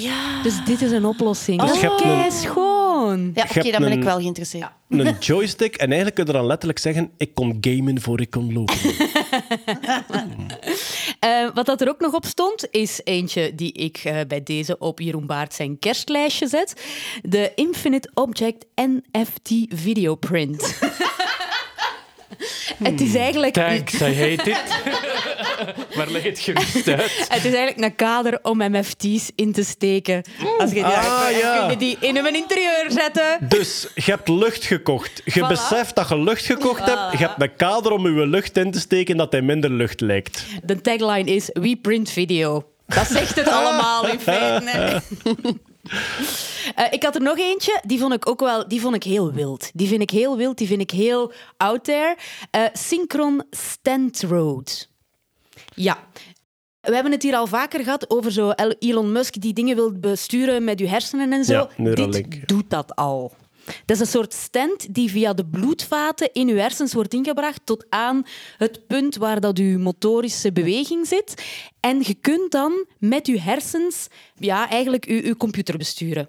Dus je kunt alles op je computer besturen zonder dat je moet aanraken. Wow, wow, wow, wow, maar dat is, dat is invasief. Ja, maar het is ook wel gemaakt voor mensen die zo ALS hebben en zo. Ah, oké. Het is niet dat je het er zelf moet insteken, toch? Nee, nee, nee, nee, nee dat gaat niet. Dus het is eigenlijk, voor wat het is, Ja. is het heel weinig invasief. Dus ze Ah, moeten geen open hersenoperatie doen of zo. Ze kunnen dat via bloedvaten op de juiste plek brengen. Ah, ja. Ze doen dat dan terug weg. Dat stentje dat gaat open. Ja. Dat heeft een paar dagen celgroei nodig om in te groeien in je hersenen Ah, ja. of zo. En vanaf dan kun jij met het juiste programmaatje op je computer, kun jij je computer bedienen met je hersenen. Maar het is wel het ziekenhuis. het. Het is geen zelfbouwpakketje als Nee, nee, kerstcadeau. nee, het is niet zo Ja. van, hé, hey, eh, de mamsie, kun jij eens even eh, mijn stentje steken? Allee. Heb jij nog een bloedbaan open? Enfin, eh, er zijn dus eh, in 2021 heel wilde, toffe dingen eh, uitgevonden. En we gaan dat lijstje helemaal in de show notes zetten. En dan moeten we daar zeker een keer doorgaan, want er staan heel wilde dingen in. Die misschien hier en daar ook in het jaar voorstelling zitten. En die heb ik dan maar niet gekozen om te vertellen. Oh. Ja, maar ik heb ze niet vandaar gehaald. Dus dat vind ik altijd leuk als Time een lijst maakt. En wat, ik, wat aan mij is opgevallen het voorbije jaar staat daarin, dan denk ik goed bezig. Ik had die lijst dat liefke, liefke, dat staat er ook op. En dat staat er ook op. En dat staat er ook op. Ik klonk ik of dat je ging zeggen, goed bezig, Time. Goed bezig. Iedereen die nog in de lijst wil komen, je hebt nog een maand. Hè? Dat is waar. Een dat is maand waar. voor 2021. eh, vind snel nog iets uit. Oké, volgende puntje. We hebben het al eh, een, paar, paar maanden, misschien was zelfs meer dan een jaar geleden, gehad over de automatische winkels van Amazon. Waar dat je binnenwandelt, gewoon dingen van het schap neemt en het AI-systeem herkent wat je meegenomen hebt en rekent het u aan als je de winkel buiten wandelt. Eh, er is een automatische winkel geopend in Gent. Hij is niet van hetzelfde kaliber als die Amazon-shops, maar eh Colruyt wil experimenteren met een automatische winkel die 24 uur op 24 open is. Wat is het concept? Als je binnenkomt in de winkel, scant je je persoonlijke QR-code. Dan gaat het poortje open en weet de winkel, dit ben jij. Nu, de bedoeling bij die Amazon-winkel is dat de camera's volgen wie dat je bent, waar dat je loopt, wat je van het schap neemt. Dat is hier niet het geval. De bedoeling is, alle producten zitten in kasten. Nu zien we dat voornamelijk bij de koelafdelingen. In die winkel zou alles in kasten zitten. Zou, het hij is nu open al. En dan kan je, als je aan een kast komt, kan je je QR-code scannen. Dan gaat de deur open. En dan weet de kast aan het gewicht dat verdwijnt van het schap wat je gekocht hebt. Wauw. Maar Dus je neemt daar drie zakken chips uit en je legt een baksteen terug. als Tel je jij, winst. als jij een, metalen knikker vindt die evenveel weegt als je pakje chips, maar het zal wel tot op de milligram moeten zijn. Dat denk ik. gewicht staat op dat pakje chips. En dus, als jij de deur weer sluit, dan weet dat schap, dit is verdwenen, dit was de QR-code van de persoon die het opengemaakt heeft, dus dat komt nu op de rekening van die persoon. En als je dan naar buiten gaat, is er wel... nog- Dus je kunt niet zomaar naar buiten wandelen, je hebt dan wel een kassa. Daar scant je je QR-code. Alles wat je genomen hebt uit de schappen verschijnt in een lijstje. Je kunt dat controleren. Als je zegt toestemming, betaalt je met je bankkaart en dan gaat je buiten. Dus bij die Amazon-winkels, als je naar buiten wandelt, gaat het automatisch van je rekening. Dat is hier niet het geval. Eh, de, de kassa weet wat je meegenomen hebt en je betaalt dan nog fysiek met je kaart. Hij zou nu open zijn. We kunnen er eigenlijk naartoe Nu rijden. naartoe, ja. Oh, ik wil dat. Hij is, ja, hij is, ehm, ik denk, eh, vlakbij het Belfort ergens. Ik Maar ik ga wel zo niet na sluitingsuur van normale winkels, want ik ben altijd degene die aan de kassa staat en dan werkt haar bankkaart niet. Of dan, Ah, ja, of dan is dat zo van, oei, er staan er hier twee op, maar ik heb er eigenlijk maar één. Met dan... Er is blijkbaar een eh, eh, 24 uur bemande helpdesk. Dus je kunt dan zo, Oh. ik weet het niet, je kunt waarschijnlijk ergens op een grote rode knop duwen en zeggen: Do you want to talk to a real human? Nee, nee, nee, dat is zo gelijk in de Colruyt, dat je zo... Ja, Er wordt iemand gevraagd aan de... ja, voilà. Ik vind het eh, wel moedig om in het huidige politieke klimaat een winkel te lanceren die dat volledig met QR-codes aan elkaar hangt. Dat, eh, de connotaties daar zijn toch... eh, De COVID-safe winkel. de. COVID-safe winkel. ja, ja, ja, ja, ja, inderdaad. Maar kijk, hij zou nu open zijn. Ik ben eigenlijk heel benieuwd. Ik wil er echt wel een keer, ja, ik wil er echt wel een keer Oké, naartoe maar gaat je dat dan wel filmen, lieve? Want dat willen we dan wel meemaken. Ja, hè? maar als ik dan film, kan ik mijn QR-code niet scannen. En, en mogen daar met verschillende mensen tegelijkertijd binnen? Want pakt, ik doe het schap open en iemand anders pakt erop iets. Ah, nee, maar dat is het probleem. jij ja. ja, ja, als iemand anders pakt, als jij geopend hebt met die QR-code. Ze hebben ook een systeem, en dat vond ik eigenlijk wel slim, dat ze zeiden van ja, voor mensen die ofwel geen smartphone bij hebben, je kunt ook je QR-code afdrukken op papier. Als je dan binnenkomt in de winkel, dan scant je je QR-code, je gaat binnen, maar dan neemt je een karretje. En dat karretje wordt gelinkt aan je QR-code, maar in dat karretje zit een soort communicatiesysteem. Is dat Bluetooth of iets anders? Ik weet het niet. Als je je karretje parkeert voor een kast, kan de kast open, omdat het ziet dat je karretje daar staat. En dus dan kun je dingen in je karretje leggen en dan kun je dingen openen door de nabijheid van je karretje in plaats van te scannen met de QR-code. Oké, ik herneem mijn vorig statement. Eh, Mijn bankkaart gaat het wel doen aan de kassa, maar ik ga wel elke bejaarde in de, in de winkel eerst moeten helpen met winkelen eer dat ik buiten ga. Ik ken dat. Madame, staat mijn karretje hier te ver van? Weet je hoe dat, dat werkt? Ga, zit er nog een jong ding uit. Jij ziet er een vriendelijk masker uit. Ik moet nu wel zeggen, ik vind plotseling wel een heel tof idee om met mensen op leeftijd naar die winkel te gaan. en gewoon te zeggen... Dag Germain, you're on your fucking own. Again, wilt je dat filmen, lieve?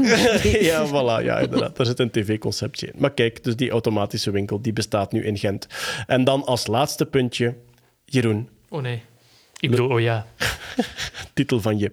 Ehm, lust je graag broccoli? Leuk geprobeerd, broccoli. Nee, de meeste mensen vertellen mij... Ja, maar Jeroen, broccoli is kei lekker. Als je daar kei veel lekker ander spul over eet. En ik zeg van ja, dat is het probleem. Dan eet ik wel gewoon champignonsaus zonder broccoli. Correct. Ehm, Jeroen, het ligt waarschijnlijk aan uw microbioom. Leuk geprobeerd, microbioom. Ja. Broccoli is ranzig. Het is eh, een onderzoek, eigenlijk een onderzoek van 2018, maar het is revisited en herbekeken en nieuwe conclusies getrokken. Ehm, of dat je broccoli en andere bittere groenten, hè, eh, spruiten enzovoort, typisch de dingen eh, die kinderen niet lekker vinden, omdat de bitterreceptoren van kinderen gevoeliger afgesteld staan dan bij volwassenen. Ehm, het feit dat je broccoli lekker of niet lekker vindt, ligt waarschijnlijk aan je microbioom. Het microbioom kennen we als de bacteriepopulatie van uw darmen. Maar het gaat niet om uw darmen, het gaat hem over het microbioom van de mond. Ja. En ik heb die publicatie gelezen en ik vond het geweldig intrigerend. Die onderzoekers schrijven: de mond is een geweldig complex biotoop. Je hebt daar plooien in, je hebt daar open oppervlakten in, je hebt daar harde oppervlakten in, je tanden, je hebt daar zachte oppervlakten. En blijkbaar. Ladies. Ik krijg het warm. Ik weet niet wat geldt. Ga verder. Maar blijkbaar hebben dus al die verschillende ehm, microbiotopen in uw mond hebben dan andere bacteriesamenstellingen. Wat ik ook geweldig boeiend vond, was de kennis van het microbioom van onze mond is vrij recent, omdat vroeger, en ik kijk naar Hetty als eh, laborante, vroeger werden bacterieculturen vooral uit een cultuur gehaald. Hè. Dus je neemt een strijkje van ergens een plek van je lichaam, je stopt dat op een voedingsbodem en hetgeen dat hard begint te groeien, dat zat daar dan zo gezegd. Ja. En wat blijkt? Onze mondbacteriën doen het notoir slecht in cultuurgroei. Dus we konden die gewoon niet bestuderen, omdat de methode die we hadden niet goed werkte voor ons Dus mondbacteriën. we dachten dat er niks in zat. Of te weinig. Oh. Dat stelde met de, de E. coli-bacterie, is onze bekendste darmbacterie. Mhm. Die komt eigenlijk helemaal niet als meeste voor in ons darmen, maar dat is wel degene die het het beste doet op cultuurgroei. Oh, voilà, ja. Dus eigenlijk zijn we gebiased door onze onderzoeksmethodes. En nu, nu dat we genetisch onderzoek hebben van wat er zich allemaal op een bepaalde plek afspeelt, wordt onze mond eindelijk in kaart gebracht. Wat blijkt? In onze mond, in ons speeksel, wat de first line of defense is als er voedsel binnenkomt, zowel voor afweersysteem als voor vertering enzovoort. In onze mond zitten bepaalde bacteriën die de bittere verbindingen uit broccoli meer kunnen losmaken. Blijkbaar, broccoli maakt een soort bitter enzym aan als verdediging tegen vraat hè, van insecten of gelijk wat. En dus bepaalde bacteriën in onze mond maken die in grotere getalen vrij. En dus die onderzoekers hebben dan mensen gevraagd of ze broccoli en spruiten lekker vonden en niet.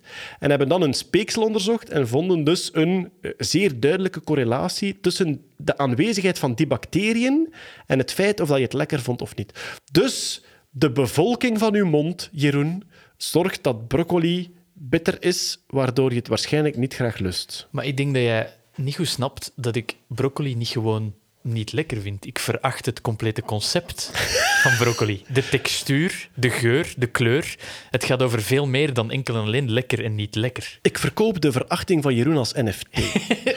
Ja, Eh, interessant. interessant. Wel, dus, maar dus blijkbaar de samenstelling van uw speeksel en het microbioom van uw mond zou bepalen of dat je broccoli lekker vindt of niet. Eh, We zetten de publicatie uiteraard in de show notes. Maar we zoeken nu een ehm, eh, partner, een lief voor Jeroen, die broccoli heel lekker vindt en die langdurig hartstochtelijk wil muilen met Jeroen tot hij broccoli lekker vindt. Jeroen, wat denk je? Kijk, langs de ene kant muilen met een niet onaantrekkelijke vrouw, ja. Langs de andere kant broccoli. Het is ook- We zoeken iemand die broccoli lekker vindt om te muilen met Jeroen tot hij het lekker vindt. Slechtste dating-app ooit. Mijn Tinder-profiel aanpassen. ja, ja, wel. Vind je broccoli lekker? Gelieve dan eh, u aan te melden. Maar kijk dus, eh, ja, ehm, waarom we... Ik kan nooit houden van iemand die broccoli lekker vindt. Oh, Maar kijk. je moet niet houden van om te muilen. hè. Nu Levenslessen. Levenslessen vanuit die helspotel. ja. Maar kijk, voilà, er is eh, ontdekt waarom we broccoli minder of meer lekker vinden. Waarschijnlijk heeft het te maken met de eh, bevolking van de bacteriën in ons speeksel. Alright, dat waren de reguliere puntjes van vandaag. We hebben nog een paar recalls. Eén recall is ons gemaild en ik had hem zelf eh, opgezocht toen ik mezelf bezig hoorde. Mijn uitleg over koolstof-14-methode, vooral over het verval van koolstof-14, was niet helemaal juist. Koolstof-14 vervalt niet tot koolstof-12, maar ik denk tot stikstof-14. Ja, zeg nu niet dat we het nu weer fout Daarom, doen. Hè. Nu daarom we zet wel... ik zo'n dingen in de recalls. Ah ja, voilà, oké. Ik zet Nu, wel- letterlijk in de recalls wat dat je moet zeggen. Zoek het even op, want ik maak er geen vanuit de montage van. Nee, klopt. Koolstof 14 verval, daar gaan we. Koolstof 14 vervalt niet tot koolstof 12, maar tot eh, stikstof 14. Dus ja, voilà, koolstof 14 vervalt tot eh, stikstof 14. Wat wil zeggen, het ehm, atoom zelf verandert. Dus er moet dan een eh, proton veranderen. En, ah ja, voilà, kijk, ja, er wordt een elektron uitgestuurd. Zo gebeurt het. Koolstof 14 verandert tot stikstof 14. Sorry aan alle nucleaire wetenschappers die ik hiermee een soort woedeaanval bezorgd heb. Ook een belangrijke eh, recall die mij werd gemeld op Twitter was het feit dat ik Jake Gyllenhaal niet juist uit... Eh, jongens, zeg. Jay Kielenhaal. Jake Gyllenhaal is met Jake Gyllenhaal. Het is geen zeeman die we gaan kiel halen. Ik zeg al heel mijn leven Jake Gyllenhaal. Maar Gyllenhaal. eh, jongen, Gyllenhaal. Gyllenhaal. Maar Gyllenhaal. Gyllenhaal. Gyllenhaal. Maar toch? Jake Gyllenhaal. Ik dacht eerlijk gezegd een- dat je het expres deed omdat, u, omdat uw vrouw daar zo fan van is. En dat je zoiets had Nee. Jake Gyllenhaal. Nee, nee, nee. Mijn vrouw mag fan van zijn wie is van, dat? van iedereen. En- Maar alleen het Most lesbian remark ever. Eh, source Code. Eh, Darko. Donnie Darko, ja. Jake Kent je, Gyllenhaal- kent je Maggie? Dat zijn allemaal Gyllenhaal? concepten die hij die niks zeggen. Ik ben ze aan het opleiden in de film, in de... Ah, dat is juist. Jij zei film. Ik heb het gezien in Welcome to the AA. Moeten we misschien ook zeggen, het is dat in Welcome to the Ja. AA. Kunt je daar eh, volledig bekijken. En de maand ervoor, of een paar weken ervoor, zat Stefanie ook in Welcome to the AA. Voilà, Zijn kijk. dat zeg. aan het overnemen, Amai, mensen? jongen. Echt waar. We hebben allemaal een tas van Welcome to the AA. En ja, voilà. Kijk. Ik nog niet. Maar dus te bekijken op YouTube. Hè, als, je op, tijd. als je op YouTube intikt WTAA Hetty Hellsmortel, dan vind je die volledig... WTTAA. Oh, pardon. WTT... Nee, lieve, nee. Dus als je op eh, YouTube intikt WTTAA Hetty Hellsmortel, dan vind je die volledige aflevering. Daar ging het over het feit dat jij filmopleiding krijgt Van Els, ja. van Els. Maar we Ja. zijn dat ook af en toe een beetje aan het opnemen, want misschien gaan we daar zo nog een keer iets mee doen. Ja, Oh, weet. We spannend. zijn gisteren naar Dune geweest. Ah, en? Oh ja. Manu, hoe was dat? Oh, Super. Eh, mijn persoonlijke recensie, grafisch prachtig, verhaal oké. Timothy Chalamet, altijd super. Eh, ja. Ja. en en verder komt Jason Momoa. Over- Ik vond dat verhaal echt wel oké. zo. Ik vond het einde qua een beetje langdradig. En vond dingen ook. ehm Skarsgård, de vader van... Ja, Stellan De baron. Skarsgård. Ja, die inderdaad zo die, die Ja. baron... Ja. Ik wacht Vastige. totdat ik hem op een vliegtuig, op een minischermpje kan kijken, gewoon om die regisseur te kloten. Dus die regisseur heeft gezegd van, ik wil niet dat die, dat die Wacht, film uitkomt op streaming Da- sites. David Villeneuve? Villeneuve, ja. Denis Denis, Villeneuve. Denis Villeneuve. Oh. Hey, Villeneuve is goed Was voor goed. de slimste mens, dan is dat ook goed voor hier. hè. Quizzen moet je alleen de achternaam weten. Hè. Ook gekend van Eh, Arrival en Sicario, een van mijn favoriete films. Blade Runner. Blade Runner 2049. Ja, Alsof- klopt, dat klopt, en Stefan. Heeft hem al een Oscar gehad? Dat klopt, Stefanie, maar dat zoeken we niet. En Sandy en Prisoner. Het is gebeurd. Jawel. Goed, voordat we weer een filmpodcast worden. Maar dus, Jake Gyllenhaal, ik heb het speciaal voor jou... Wat? Gyllenhaal? Zeg, zeg het, Stefanie. Wat zeg jij? Wat Ja, zeg ik jij? zeg Jake Gyllenhaal. Zeg Gyllenhaal. Het is like, it's an American, like Jake. Is Jake that- Gyllenhaal.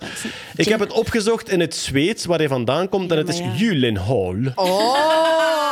Ik vind dat we dat vanaf nu Dus vanaf zeggen. nu zeg ik dat. Jake Gyllenhaal. Maar Dat is voor als je naar een blockbuster wilt kijken, maar het toch wilt doen klinken als een artsy-fartsy film. Heb je de nieuwe gezien van Gyllenhaal? Gyllenhaal. Ja, eh, goed. Ik vrees alleen dat ik... eh, eh, eh, ja, dat zien nog iets meer aangetrokken zal zijn tot eh, de Jake in kwestie als ik Gyllenhaal. Oh, ja, natuurlijk. Is dat, eh, is dat de Danger Man? Als ze, als ze een nacht Nee, dat, is toch, nee. dat is toch zo'n vraag in de humo altijd? Voor als er Nee, een, nee, nee, eh, nee. Want uh, over Dune gesproken, als ik op de Instagram ga kijken naar uh, het profiel van Jason Momoa, dan zie ik al mijn vriendinnen die dat liken. Ah, Jason. Onder andere Volders, ja, mijn vrouwke. Maar Jason Momoa, daar ben ik zelfs gevoelig Ah, aan. hè. is dat, ja? Amai. Wie, wie was dat? Ik Die... kan, ik kan het mij Dat is die voorstellen. hele stoere, die Aquaman. iedereen eronder vecht. Die breekt, Ah, ja, ja. die breekt leven in twee. Die, eh, dat is toch ook eh, Game of. Thrones, hè? De Ja, ja, Khal- ja, ja, ja. Ja, ja. Vond ik wel een super personage. Nee, Ik zei dat eh, gisteren, dat is de man van Ja, de ben Mother of Dragons. ja. Ja. Ja, voilà. Ja, maar als, als eh, Jake Gyllenhaal voor de deur staat bij ons, dan vrees ik dat, eh dat de Sien Volders eh, moeilijk eh, in toom te houden zal zijn. Maar goed, ja, zwart. Eh, we gaan de problemen oplossen als ze zich stellen, zei Jean-Luc de Hane altijd. Dat is die in Aquaman is. Hè. Overal waar hij binnenstapt, is het direct nat. Was dat hier al nat? Dat was al. Die dwijlt graag, zeker. We gaan, we gaan over tot enkele aankondigingen die we hebben. En de eerste, die ligt er al niet om. Hetty Haaswortel. Ja. Het Sound of Science Festival verandert van naam. Ja. Dat wordt vanaf nu... Het Nerdland Festival. We gaan dat even samenvatten. Ik Dus was even totaal niet mee en ik dacht dat Hetty ging zeggen het Hetty Halsmoor. we gaan dat even samenvatten. Hetty, eh Toon Verlinden en jij hebben een paar jaar geleden zijn begonnen met een... Eigenlijk het eerste openlucht wetenschapsfestival van België. Ja. We hebben daar eh, twee edities heb ik meegemaakt. Hoeveel Ja, zijn er geweest? Twee Voilà. en twee afgelast. Ah ja, voilà, Door, door corona, door covid. Twee edities van gehad. Ehm, Twee keer uitverkocht. Voilà, een podium met muziekbandjes, maar vooral heel veel science-demo's, tech-demo's, eh, lezingen, een live podcast van ons. Workshops. Maar echt een Pintjes, belevingsfestival. hè. worsten, Voilà. hamburgers. Ja. Je komt toe en je ziet alles wat een festival is. Het grote grasplein, heel veel tentjes en in elke tent valt iets te beleven. Ik herinner mij een een Sound of Science festival waarop er een live dissectie van echte mensen hersenen Ja, was. dat was keigoed. Dat, jongen, dat was keigoed. Maar gewoon daar zitten en zo een halve kring van kinderen zien die met open mond naar een dokter aan het kijken is. En zij is dan echt zo die dissectie aan het doen en laag per laag ook aan het uitleggen wat dat is. Ik ben er achteraf nog naar, bij haar gaan staan om te gaan zien van ja, en Maar iedereen mocht na die dingen ook een keer gaan voelen hoe dat, dat voelt, hersen. Dat vond ik super cool. Ja, Ik, dus- herinner, ik herinner me vooral de, de eh, dierenarts die daar stond met een soort van eh oefen koeien-anus. Paard. En, een paard. paard. Ja, En- ja, ja, ja. En kinderen die echt tot achter de tent stonden aan te schuiven om hun Ja. arm elleboog diep in dat paardengat te steken. Ja, dat, maar dat, dat is wetenschap. Super. Oké, ik beken, ik heb mijn arm in het paard gestoken. ik heb mijn arm ook in het paard gestoken. Je zit dan met je arm in het paard en daar staat dan een dierenarts naast en die kan langs de zijkant van dat paard kan die bepaalde organen vervangen door organen met een ziekte in. En zegt, voel nu nog eens. Ja, en wel, dat is deze ziekte. En voel nu nog eens. En dat is, de, het is echt een, een opleidingsdummy van de, van de diergeneeskunde. Swat, dat, was, of dat is het Belevings Openlucht Wetenschapsfestival Sound of Science. Toon en, jij hebben dat uit de grond gestampt, eh, groot gemaakt, twee jaar georganiseerd. En nu ja, gaan wij dat eigenlijk samen nog groter proberen maken. Voilà, dat was het een beetje. Ik bedoel, eh, het hele team van Nerdland eh, komt erbij. eh, En wordt het een, een nog groter, eh, spectaculairder feestje. Op 3, 4 en 5 juni op domein Puijenbroek in Wachtenbeke. We mikken Voilà, op ja, kleine 10.000 bezoekers toch. Dus dat wordt ja, het nerdmoment van het jaar. Daar, daar wil ik echt mijn, mijn hebben en mijn houden voor verkopen. Of, of, nee, ik wil Ah, ja. daar... Niet nee, verkopen, niet verkopen. Alleen, niet dat van mij mee. Nee, hè. ik wil daar echt met hart en ziel echt eh, aan werken om dat het meest fantastische weekend van het jaar te maken. Ja, we gaan daar drie dagen. Ja, daar wordt van alles georganiseerd. Er zal van alles te beleven zijn. Het is een beetje sandbox-concept. Je kunt daartoe komen en doe wat je wilt. Wilt je heel de dag pintjes drinken? Dat kan. Doe. Het is niet de aanrader. Het is niet het boeiendste wat je daar kunt doen. Maar wel lekkere je kunt ook pintjes. van tent naar tent gaan, van alles beleefd. Het is familiegericht ook, Ja. denk ik. Hè. Voor, voor jong en oud zal er van alles te doen zijn. Goed, in welke fase zitten we nu? nu? Wel, op dit moment, hè, de ambities zijn hoog. Ik denk dat we dat wel mogen zeggen. En eh, we hebben daar de juiste partners voor nodig. Dus wij zijn op zoek naar, naar sponsors. Maar wij willen echt met die sponsors een op-maat deal uitwerken, waarbij dat Ja. er iedereen echt een heel goed gevoel bij heeft. Eh, toffe concepten, toffe stands, eh, noem maar op. Dus wie wil, mag mailen naar hitty.nerdlandfestival.be. En we zijn ook op zoek naar inhoud. Naar mensen die iets gezien hebben, of zelf een lezing, of een workshop, of een demo willen geven, of die zeggen, maar dat moet daar staan, of laat ons dat doen. En hoe zotter, hoe nerdier, hoe beter. En alle info daarover staat op onze website, nerdlandfestival.be. En daar staat een link naar een formulier, een invulformulier. Voilà, want ik weet dat jij sowieso al een lang lijstje hebt. Je hebt al een lange wishlist van Yes. binnenlandse, buitenlandse wetenschappers, demo's, lezingen die wij gezien hebben. Ehm, die komen allemaal op de lijst die we daar heel graag willen. Maar ik denk dat dat festival alleen maar rijker gaat worden als we de community er ook bij betrekken. Absoluut. Ja. En wij weten uit de mails die wij krijgen, hoe nerdier het onderwerp dat we hier aanhalen, er is altijd wel iemand die mailt, ah, ik doe een onderzoek naar. Dan denken wij, hoera! Dus eh, ja, mensen die zeggen, van, kijk, een deel van mijn onderzoek is eigenlijk zeer goed naar het publiek over te brengen in een demostand of in een lezing of op een podium. Ja, of een interviewvorm. Als je zegt, ik wil geen kwartier of twintig minuten praten, maar ik wil er wel over praten. We gaan ook ja, interviews doen, eh, podcasts. Allee, ik bedoel, Ja. alles is in deze fase welkom. En waar kunnen ze terecht nog een keer? Nerdlandfestival.be. nerdlandfestival.be, daar kan je u aanmelden als sponsor of als iemand die daar iets inhoudelijk wil gaan doen. En dan hebben we natuurlijk nog, ja, Missie 2021 hebben we er net al gezegd. Uh, Hetty, je gaat eh, in première deze week en dan op tournee. En ja, alle data over heel Vlaanderen zijn te vinden op hettyhelsmortel.be. Ja, voilà. Ik speel tot eind maart met eh, een wetenschappelijk jaaroverzicht. Voilà, Ja. overzicht van de gebeurtenissen van het voorbije jaar. En dan hebben we nog maar één iets te vermelden. En dat is onze sponsor van deze maand, Jeroen. We hebben in deze maand, deze podcast van de maand december, eh, waarin er wel eens wat cadeautjes uitgedeeld worden. En wat is een mooier cadeautje dat iemand kan geven dan een gift aan een goed doel? Maar dat is altijd een beetje raar, want is het dan de, de persoon die de, het het cadeautje geeft die bepaalt welke goed doel het is. Hoe doe je dat praktisch en zo. En we hebben een goede sponsor gevonden, Good Gift. Die laten eigenlijk de ontvanger van het, eh, van het cadeautje beslissen naar welke goed doel eh, de, het cadeautje gaat. Eh, je kan die vinden op goodgift.be. Je kan die, die gift... Alles gaat naar het goede doel uiteindelijk. 100% transparant. Ah, dus er is, er is geen overheadkost of Nee. personeelskost? De enige overheidkost is er als je een fysiek doosje wilt voor, voor de persoon om het af geven. Dus als het niet digitaal is, dan is er een meerprijsje van 5 euro inclusief verzending. Dat kan er ook bij. Oh, maar ik vind dat nu wel, ik vind dat nu wel geweldig boeiend als, als concept. Omdat ik weet uit ervaring dat van heel veel van de donaties die ik doe, dat daar een overheadkost zit van personeel in België. Ik vind dat logisch ook, hè? mensen die de boel draaiende houden enzovoort. Maar dus bij Good Gifts zeggen ze eigenlijk... Good gift. Ik Good moet- gift. Good gift, ja. Bij Good Gift kan je Good Gifts kopen, maar Ja. de website is Good Gift. Dus als ik zeg, ik, doe, eh, ik geef iemand een cadeau en dat is eigenlijk 25 euro die die persoon zelf kan toewijzen aan een goed doel bij GoodGift, dan gaat er ook 25 euro naar dat goed doel. Er blijft geen percentage hangen bij de website. Klopt. Het zijn Nathan en Leen die die site eh, hebben overgenomen, want het was oorspronkelijk een studentenproject.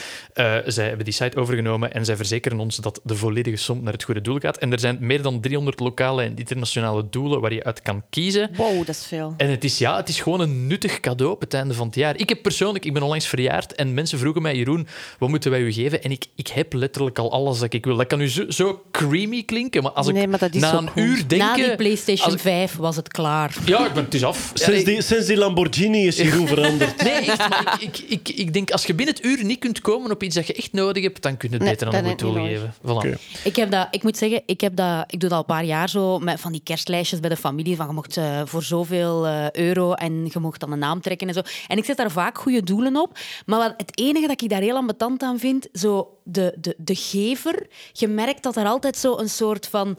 Ja, dat, dat is niet voldoeninggevend. Ja, ja. Hè, die moeten dan zoiets storten naar een doel, en, maar je kunt geen cadeau afgeven. Dat zo, op het moment zelf is dat dan zo...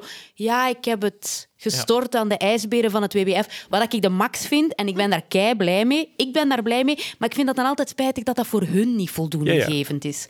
Deze lost dat op. Absoluut. Ik moet ook de het nadruk fysieke, leggen... ja, het Good fysieke Gift, cadeautje. Good Gift werkt ook samen met bedrijven. Dus stel dat je als bedrijf aan je werknemers een cadeautje wilt geven, dan kun je dat ook via Good Gift regelen en dan kunnen die een massadonatie regelen. Dus het is zeker de Dus als, je, dus als je eigenlijk gewoon totaal niks hebt met ijsberen, dan kun je ook zeggen, nou, ik geef het dan aan mijn kindjes Ja, je bijvoorbeeld. kunt- of omgekeerd. Je kunt, zelfs, je kunt zelfs heel. Specifiek, stel je krijgt een good gift en je woont in de regio Antwerpen, kun je zeggen welke lokale goede doelen, regio Antwerpen, kun je op de Ah, site opzoeken. En kun je Amai. zeggen, Ja, van, ja. ik ga het hier lokaal geven aan dat specifiek doel. Cool, Dat, is, eh, dat is cool. Hey, dat is Eh, kei cool. ja. Ja. Ze hebben uiteraard geen, geen kortingscode erop en zo, want dat zou alleen maar geld afnemen zijn van de goede doelen. Ja, ja. Maar iedereen eh, is warm aanbevolen om een good gift te schenken op goodgift.be. En je kunt dus ook voor dan een kleine meerkost kunnen dus echt een fysiek, Een fysiek kaartje, een fysiek kaartje dat Inclusief verzending. Dat is Ja. vooral, stel dat je iemand een good gift wilt sturen, dan betaalde 5 euro meer. Maar En dan doe je dat kaartje open en staat daar: je moet nu kiezen tussen arme kinderen of ijsberen. TikTok, TikTok, TikTok, TikTok.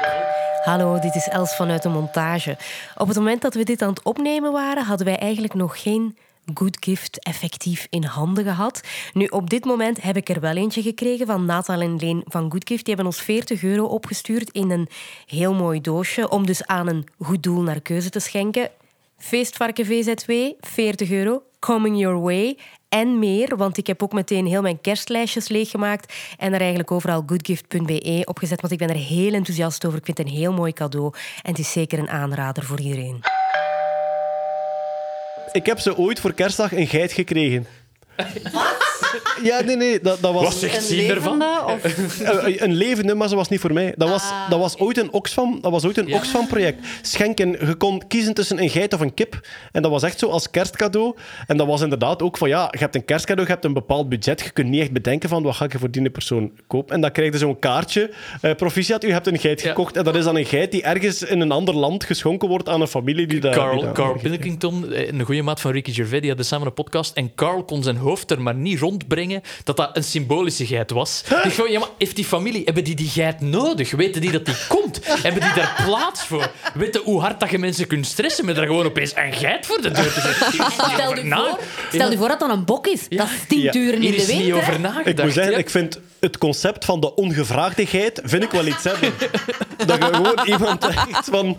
ik Oké, lieve, Ja. eh, ik wil geen kerstcadeaus van u dit jaar. is het dit wat de sponsor wilt horen? Dag, en de sponsor is goodgift.be. Hier is uw ongevraagde geit. Of dan ook, als je dat krijgt voor kerstdag, ook eisen dat je op bezoek mocht gaan. En dan ook echt het duizendvoud uitgeven aan een vlucht ergens naar Centraal-Afrika. Waar is mijn geit? Is mijn geit.